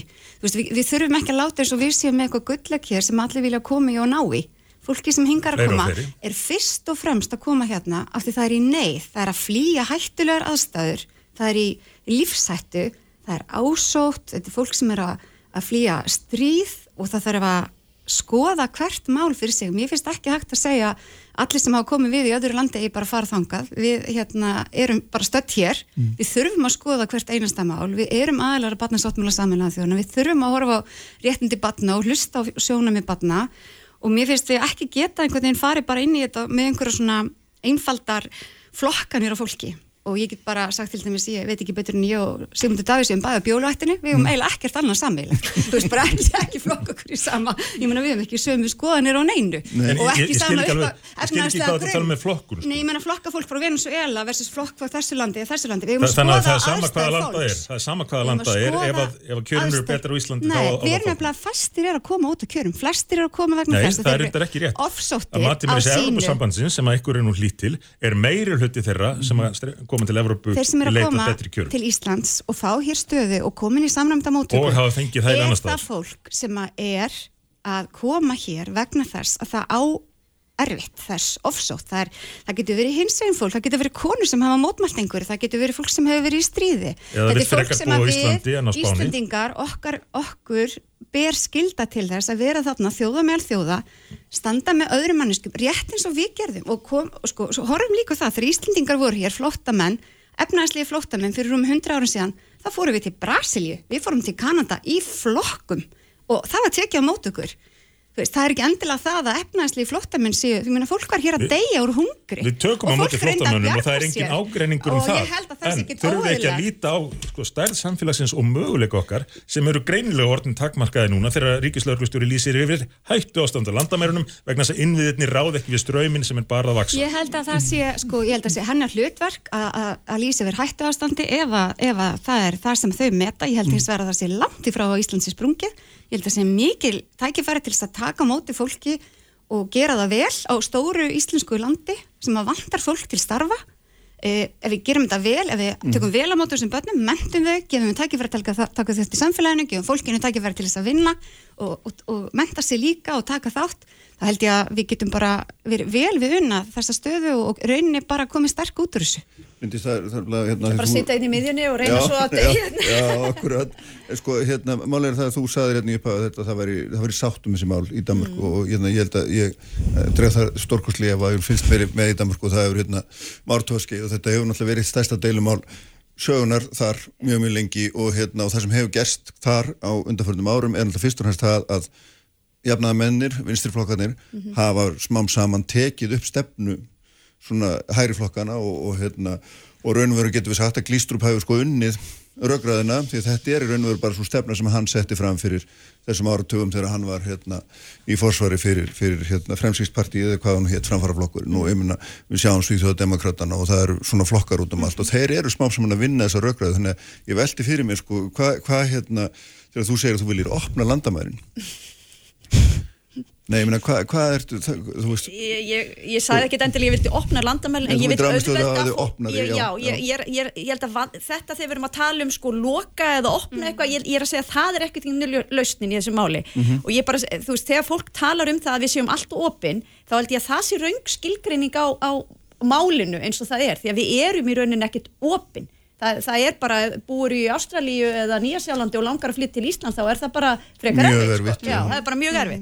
Og það er það sem ég er að lýsa og meðan okkur vantar fólk, hvað sem þessi sérfræðingar mm. í hinnu eða þessu eða ykkur öðru að þá finnst mér alveg að við megum skoða það að fjölga þeim sem að geta hér sestað og búið þó að mm. þeir kom ekki innan í Ísland landana og ég held að þetta er einmitt það sem við erum fann að takast á hérna sikkur megin við mig. Það tala um sérfræðinga eða bara vinnuafl almennt? Bara vinnuafl almennt þegar á meðan okkur vantar vinnuafl. Og við, við vitum að til dæmis Og hver heldur að ásóknin verði í það að fá vinnu á Íslandi samanborð við flest önnu lönd í heiminum meðan... ef, ef þú opnar á það eitt mm. Já, en minna, á meðan að við okkur vantar vinnuafl, þá mhm. held ég að sé ekkert að því að við opnum á þá. Tökum sem dæmi, ég minna Ástralar og, og við haldir velferðarkerfum klára, mm -hmm. eh, lemur hans að klára en þú veist eins og Ástralarna, þær hafa verið bara með ákveðin kvóta á því, því þeir vita þegar þeir mantar fólk, þeir mantar smiði, þeir mantar rafverkja, þeir mantar verkafólk eða eitthvað, að, að þá hafa þeir hleyft þín í einhverjum, einhver, einhverjum áfengum í samræmi við, við vöndunna og ég tek bara undir með heiðjum flottamenn, við höfum flúið mm. til Kanada, við flúum mm. til Norex hérna eftir síðasta hrjön, en sko það, við förum alltaf í einhverju svona pitti og þú segir hérna sko það eru örglega ágreiningur um þetta í Danmörku. Jújú, jú, það eru örglega ekki allir sáttir um þetta en það sem ég segi bara það er áberandi að við sátum hérna með mhm. sósaldemokratum og hægri flokkum og við spurðum og þau segja nei, það er ekki lengur ágreiningur um þetta á þinginu. Ja, og ég var að, nei ok mm, það, svo, svo var komið einhver svona auka sjónamið líka, skiluru, og, og það er ágreiningur um það. eins og hvað hjá krötunum með það já, mögulega kannski. Reyfist ekki íslensku krötunir við þá dansku en jú, þau, þau voru mjög ósáttir við það já. hérna margir í okkar hópi þegar við sátum hérna með dönsku þingmunum og fannst þetta mjög ómanniskilu allt. Og ég er ekkit að segja að við eigum endilega að fylgja dönsku stefninu og það er alveg viðkjönd mm. á Norðurlandunum að Danir eru hvað harðastir. Þess vegna var ég að nefna mm. einn á Noreg áðan. Ég held að það sé meira að því að læra. Eh, og ég er ekki að fara að tala fyrir því að opna einhvers konar flottamannabúðir í Rúanda eða eitthvað slikt eins og komið hefur til tals hjá dönunum. En bara það sem Sigmundur segir hérna og er að vísa þá í einhverja ræður hjá hérna eh, fórsættisræður að dana, það er ekki samtali sem átti sér stað mm. við þingmennina. Við vorum bara að fara grúndit yfir hvernig þeir eru að gera þetta mm. og hvar ef einhver starf hefur verið ágreiningur. En það er alveg rétt eins og segi, þetta, hefur, þetta var risastórt pólitist mál á Norðurlöndunum það, það er það sem ég er að segja ég tek út úr þessari ferð að það er það ekki jafn mikið lengur í Noregi og Danmörk en það er það vissulega í Svíþjóð við sáum mm. það núna í, í umræðinni kringum kostningarna þar. Þannig að það er kannski það sem að ég segi við eigum að læra eitthvað á því.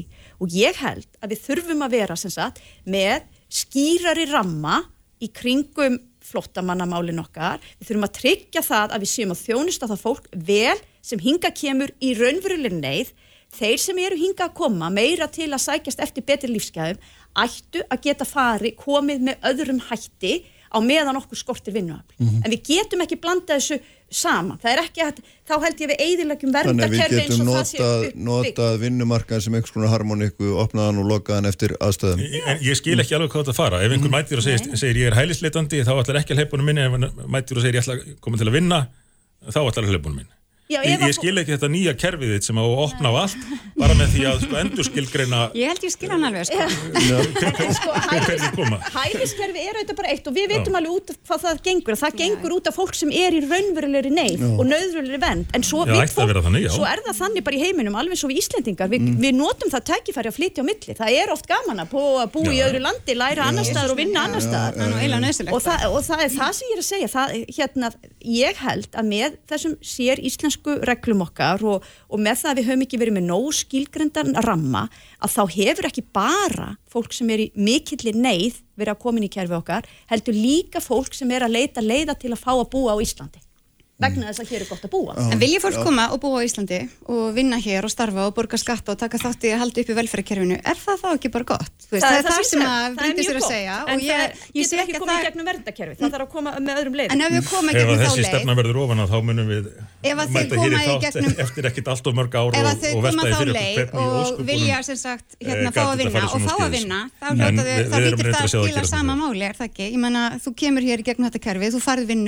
það það er það vinna farð út úr þessari sammyndamótöku og þú veist, þá lítur það bara að skila okkur auknum gæðum Ég og ég menna, hinga viljum við að fá fólk eins og og að þú getur komi. ekki verið með stert velferðarkerfi og opinn landamæra á sama tíma. Þú þetta segja danskir jafnaðamenn En þú veist okkur vant að gera sér hendur. En ég veit að þú vilt auðvitað loka landinu og fara út úr nei, og hérna, ég er svo til þessu. sjálfsagt ekki. En, en sko Það er gaman að heyra Sigmund samt við- svo oft í jafnaðum en já, já, Þú mætti gera meira af því. þeir hafa teikt á perunni í Danmörku.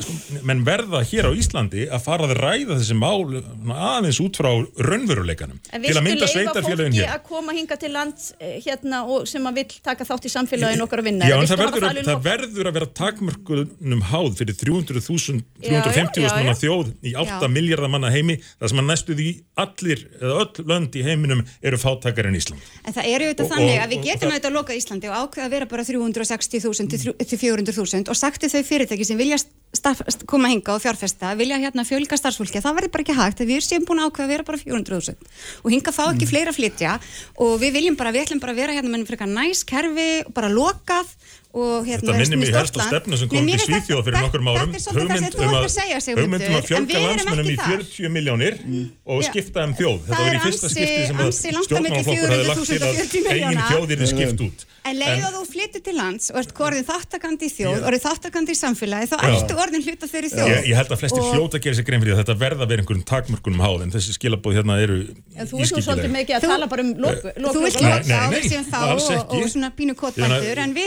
að að ljósið. hér á móti þúsundum úkrænskara flóttamanna og ég hef verið mjög mikil stuðningsmann þess, ég hef verið mjög mikil stuðningsmann þess að hjálpa flóttafólki eins og ég gerði með afgerandi hætti þegar ég var í, í ráðnetinu til að Íslandingar eigi að gera eins mikið og þeir geta til að hjálpa fólki í neyð. En ef þeir vilja að vera mikið um ef þeir vilja eins mikið og þeir geta þá verður þeir að gera það af skynsemi. En svo Get líka verið náttúr sammála sem hér er ríkjandi þessi óreiða hún gerir okkur erfiðara fyrir að hjálpa sem flestum þeirra sem þurfa mest að hjálpa að halda Heyrðu, við komumst ekki lengri bíli en takk öllum, öll þrjú fyrir að koma hérna, ég heyra þessu, þetta er ekki tæmt Ég sé hérna værum að ná sátti Já, það er allavega ekki í satt á Íslandi. Það er... Hjartmar, Oddur þeir verður hérna Alessandarsson eftir augnablik Sprengisandur, alla sunnudaga á bylgjunni. Sprengisandur. Alla sunnudaga á bylgjunni. Sælhlustendur, þau eru farin fram með Simundur Davíð, Bryndi Sarastóttir og Heiðabjörg Hilmistóttir eftir hér fjörlega umræðu um innflytjandamál skildefni en sestur hjá mér Bjartmar Oddur þeir Alessandarsson blaðamar á stundinni við erum tíðu gestur hér höndafarin misseri getur við sagt allar blessaður, velkomin Takk. Við tölum alltaf um plast, við erum áhuga um plast eða einhverjum og sérilega um hvað verður um plasti sem við notum Mhm. og þarna mm, við tölum um þetta plast sem fannst í Svíþjóð í, í hérna vöru, vöru húsinu þar Mhm. og, og það málinu svo sem ekki, ekki dömt, dögt en hérna svo er svona hlæðst upp í kringu þetta eitt og annað sem ég langar að tala um við því og það er hérna úttækt ríkisendur og starfsemi þessa úrvinnslu sjóð sem að fer með þetta allt saman, það er hérna launamálforstjóra sjóðsins sem við fengið greitt fyrir nefndarsetu sem að sem í- setu í nefnd sem var lögð niður 2015 Já, það er smá tími. hérna, já, einmitt, það er svona maður er kannski þetta sækjum eitthvað slíkt Já. og þarna og svo er eitt og annað fleira sem ég ætla að nefna við líka en, en byrjum aðeins í hérna í, í sko úrvinnslusjóður hérna þetta apparat sem að borgar, fyrir, borgar skattbenninga fyrir að láta plast fara rétt að leið í endur nýtingu eða brennslega hvað sem er best talið á hvernig tíma en alltaf fær náttúrulega algjör að fallengun hjá Ríkisandurskoðun Já, þetta er hansi svört skýsla og, og ríkisendurskoðun kemst einmitt að þeirri niðurstu að það er mikið að í starfsemi sjóðsins Mm. og með hvað hann veldir miklum fjármunum árlega. Sem eru hvað 8 miljardar Það er um 2 miljardar sem tveir, já, já, það sorry, bara á, hverjum einasta ári er það 2 miljardar sem þeim velta og, og, og það, það er ansi furðulegt stjórnsýslulega að sé að vera með svona mikið af götum í, í sjóðnum eh, og vera að velta þessum fjármunum. Mhm. og þetta er náttúrulega ríkistofnun sem að nota skattfíð og þegar ríkisendurskoðan segir að, að gagnaöflun sé ekki í lagi að, að þeir eru að nota Excel-skjöl utanum mjög mikilvæg gögn og það er ekkit gagnaöryggi nánast eh, hann beinleginni segir bara að sjóðurinn sé ekki fær um að starfa eh, sitt, eh, undir sínu lögbunda hlutverki með þeim starfsmunni sem það hafa Mm. og, og ykkur megin í, í næstu í 20 ára sögu sjóðsins hefur lítið breyst. Við erum með nákvæmlega sama framkvæmtastjóran sem byrjaði 2003 við erum með sama eh, eftirlitsmann síðan byrjaði líka 2003 og það er einhvern veginn bara leift þessu að viðgangast ár eftir ár Mm. e, í öll þessi ár er, við byrjum á stundin að skrifa um hennar sjóð fyrir um rúmlega tveimur árum og það hefur bara komið hansi mikið upp á yfirborðið sem að manni finnst fyrirlegt að sé innan hjá ríkistofnun Já, og sjóðurinn hefur sérst það hlutverk að, að greiða uh, endurvinnslu fyrirtækjum Mhm. uh, gjald uh, fyrir okkar hönd Já. til þess að sjá til þess að plast sé að mestu leiti endurunnið Já. eða því sé eitt með öðrum hætti eða, það er ekki hægt að endurvinna er þetta ekki svo nokkurn veginn Jú, það er, það er sjóðurins á að sjá um úrvinnslu, þess vegna heitir þetta Já. úrvinnslu sjóður. Þetta, hefur, þetta er náttúrulega ekki alveg skemmtilegasta orð sem þú getur notað en, en það var kannski hægt að að einhvern veginn að þeir mögulega þurfa að rýbranda sig eftir alltaf Já. en, en þau getur kannski fundið eitthvað skemmtilegra. En jú, þeir eru að sjá um úrvinnslu að þegar þú skoðar þetta aftur í tíman þá hafa þið bara verið að fara mjög vafa sama leiðir með hennan úrgang. Það eru raun og veru eins og sé tekin ákvörðan um að fara alltaf ódýrustu leiðina bara til þess að það þurfi ekki að greiða harra úrvinnslugjald. og, hvað þýðir það nákvæmlega? Það þýðir sem sagt í raun og vera fyrirtæki sem flytja inn vörunar, Mm. hvort þessu dekk, spillefni eða hvort þessu pappír, plastið til dæmis, að þeir borga ákveði úrvörsgjald þegar flytja inn vöruna eða framleiðana hér á landi og til þess að halda því lágu þá verður náttúrulega að vera ódýrt að losa sig við plastið. E, þetta úrvörslugjald er ákvarða af stjórnsjóðsins sem eru meiri hluta setin af atvinnulífinu og það virðist vera eins og til dæmis einn frétt sem vorum að skrifa um tölvupósamskipti framkvæmtastjóra Ólaf, Ólaf Skjartansson mm. framkvæmtastjóra Úrlusjóðs og Leif Eriks í, í hérna Sverex, sænska fyrirtækjur sem hafa geimt allt plastið þarna í vöruhúsinu Já. að, að það, það verðist allt bara snúðast um kostnað. Það snýst ekkert um hvort að setja endurvinna meira hvað er best að gera við efnið Því hvað- gjald sem greiðir því meini líkur er á þessi bara brent en ekki endurunnið er ekki rétt skilið? Akkurat, þegar kosta meira að endurvinna það heldur en Já. að brenna.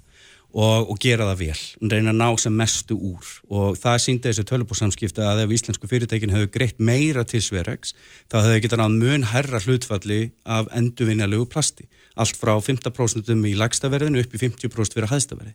Þannig að þú, ma maður sér bara hvernig í gegnum tölubúrsamskiptin er alltaf verið að halda verði svo að vera að halda úrvislu gjaldinu lágu, Mm. svo fyrirtæki þurfa að borga minna Eh, og þetta er ákvörðun úr þessu sjóð sem er mynd setina af aðunlíf Já. og það með skrítið að, að ríkistofnun sem tekur 2 miljard ára af skattfíu sem stýrt af aðunlífu sjálfu og raun og veru er lítið sem ekkert hægt að hafa áhrif á ákvörðun vald stjórnar.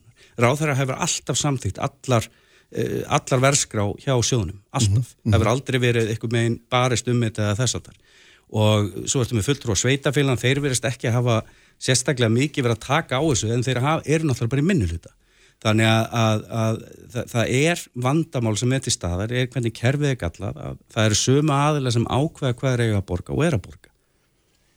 Og allt er þetta hérna í náttúrulega algjöri andstöðu við fyrirheitum það fyrir okkur svona þennan hérna almenning sem er alltaf að flokka hérna jogurtósundar sínar að, að, að, svo endanum þá er þetta ekkit endurnýtt heldur er þetta bara brenta því að, að hérna menn tími ekki borga fyrir hitt. Nákvæmlega, en umhverfislega ávinningu sem á að vera er þá Akkurat, og svo er bara svona alls konar svindli eins og með að kalla sko, eins og Íslands dekk í sko tu, bara yfir áratug þá var talað um að þau höfðu öll verið endur nýtt og í allir tölfræði þá skoðar þau, ok, sem rosalega mikið af íslenskum dekkjum á bíl, bílunum okkar, já það er svona verið að endur nýta mikið af þeim. Og þegar ég fór að skoða það, hvaða, hvaða endurnýting er þetta, þá snerist um það að setja öll dekkin í tætara og dreifa þeim yfir ruslahugun álsnesi þá var það allt í raun endurnýting á dekkjunum. Og þetta var greitt sko mörg hundru miljónir fyrir og, og þetta bara sjóðunum fannst þetta bara frábært það voru allir að standa sér geggjað sorpakat skila frábæra endurnýtingatölum og sama með úrvíslusjóð en, en þetta var bara bókaldsbrella og það er það sem er að koma í ljós að þegar bókaldi er skoða þá er það allt í mólum og ríkisendur skoðan kemsta þeirri niðurstu að gögn innan sjóðsins og að sannfæra til dæmis bara það að segja hvað eiga að greiða fyrir úrgangin það er líka verist verið erfitt og þetta um, sjáum við til dæmis bara hvað er að gerast bara með sko þá með þess að laun framkvæmdastjónans Mm. hann er að þykja greiðslu sjö ár án þess að, að nokkuð tíma hann, að, hann hafi að ve- verið að, fá, að vinna við það. Þannig að, að það, þetta er ars, afskaplega furðulegt og mikið gott að ríkisendurskóðan hafi gert þessa skýslu þeir Mhm. mæla einmitt með því að e, öll tölfræði verið tekin af úrúslisjóði, þeir með ekki lengur vinna tölfræðin og hún fari upp í umhverfstofnun þannig að núna er bara ráð þeirra að semja ný lög Mhm. og sjá til þess að þá hvort að verið fari eftir þessi skýslu en maður náttúrulega býður bara eftir því Þetta er alveg stórmerkilegt mál og hérna, sko það sem er allir svona, þú ert búin að skrifa svo vítt og breytt um þetta og um úrvinnslusjóða náttúrulega og, og hérna, og, og margt honum tengt og líka um þetta umhverfisfyrirtæki ásins var ekki 2019 2020 20 Já. terra Já. sem að hérna, þú þú hefur líka verið að fjallum og svona og, og þarna og, og, og þau, þeir urðuðu plast í mörg ár í óleifi í bláskóabíð Mhm. uh, og hérna uh, og maður svona, þú veist, það er eins og þessi afhjúbúna hún bendir til þess að það sé það sé farri í lægin heldur um að maður helst myndi vilja hafa sem var orðið þannig fallega Já, þetta er eh, við skulum orða þannig eins og það er ekki alveg verið að vinna hlutina nógu vel. Mhm. það vantar ákveðna nákvæm nýjunda Eh, fyrsta skipti sem við með upp á stundinni skrifum um, ég og Freyr Röggvalds blaðamar upp á stundinni þá var það um vegna plastmengar af moltu sem að Terra dreifðu um Krísuvík Eh, við skrifum fyrstu fréttina, Terra bregst við og segist við erum búin að þrýfa það Mm. og þá þarf ekki nema eina vettfangsverð frá mér þar sem ég sé bara að það er allt ennþá í plasti. E, síðan einhvern veginn myndast svo sátt að Terra þurfti ekki að fjallæga þessa plastmenguðu moltu, hún mátti bara liggja um í Krísuvík e, núna er að komast upp um, í þetta í bláskópið sem við byrstum núna bara fyrir örstuttu og þar voru þeir bara losa í mörg ár meðal annars á sama ári og, og þeir voru að fá velun fyrir umhverfis fyrirtæki ársins Já. af atvinnulífinu og, og, og það, er, það er svo skrítið sko að, að þegar skoðar málið að bæði sveitafélag var ekki með leifi til þess að losa hana svæðið er á náttúru minja skrá hjá umhverfistofnun og heilbyrðiseftilita hafði ekki hugmynd um hvað var að gerast. Og, og þarna um, örðar umhverfis fyrirtæki ársins Já, plastmingaðan úrgang sem að þetta, þetta, þetta er, og blandar því inn í sko lífrannan úrgang sem er að þetta nota allir með spæri moltugerði eða annað.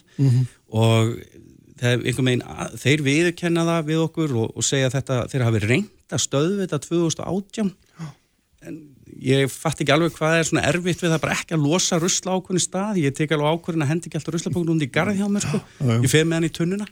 Það er að finna einhvern annan vandalega Já, nákvæmlega, en, en, en svo er það líka sko að, Mm. að, að, að þetta er mjög skilgænt í lögum, þetta er náttúrulega bara bannað, þetta er bara lögbrot. Já. og ennþá hefur ekki lögreglega verið köllu til til þess að rannsaka þetta mála því það er allstæðir það, er, það er alveg ljóst að fyrirtæki sjálft viðurkennir algjörlega að hafa gert þetta Algjörlega Og- axla ábyrð og Já. alltaf þrýfa svæði Já, núna já, já. Uh, við sjáum hvernig það gengur en, en það er samt sem áður engin ábyrð lagalega þannig að ég get samkvæmt því sem að þessi mál hafa sínt okkur teki bara úrganga heimilinu mínu, Mm. losa hann hvar sem er og séðan bara sagt ef það kemst upp í mig, heyrðu, já ok sorry, ég skal bara koma með skóplu og, og sækja þetta og, og kæra þetta en bara ef það kemst upp í mig sko. Þannig að eh, þessi við eigum að geta gert betur og það er allavega mín persónleg skoðun og það er nefnilega bara svolítið komist hvernig þetta gengur fyrir, hvað við erum að markasetja fyrirtækjara eða eins og terra, við erum með slókani skiljum ekkert eftir sem er frekar, já við skulum orða vandræðilegt slókan núna en, en við verðum einhvern veginn að horfa á þetta í heildar samræmi að við erum að kjósa stjórnmálumenn fyrir að búa til stefni í umhverfsmálum sem er, sem er endurvinnslega mjög mikið og stór skref að því ef við endur nýtum öðlindur og endur vinnum Já, já, þessu og hringrásarhagkerfið sem búið já. samþykja og allt saman en svo kemur eitthvað apparat inn og gjössala rústari og það er ekkert eftirlit með því, lítið sem ekkert það eftirlit sem hefur sem komið ljós bendur á, heyrðu það er allt í mólum Mm. en samt virðist einhver meginn vera rosalega hægagangur að reyna að laga það það er einhver meginn bara fara, vonast til þess að enginn sé að hlusta og einhver meginn fari bara í sama horf og sami eins og bara með sjárútvin þeir eru búin að vera með sérsamningur ríki í, í næstu í sko yfir 17 ár og þeir eru ennþá ekki að sinna sinni samningu, búin að brjóta hann í 17 ár samningin, samt fáðu bara ekki að halda áfram. Herra, við þurfum að taka annar, hérna, taka aðra umræði sjálfrútin í þessu. En við erum fallir á tíma. Ég var Davíð Haldarsson stýri útsendingunni sem hann gerir alltaf og allt efnir á vísi.is, bilgjam.is og svo hvar veitna það sem þið finnir hlaðvarp og í bilgju appinu. Við erum með ykkur aftur eftir vikum. Verið sæl.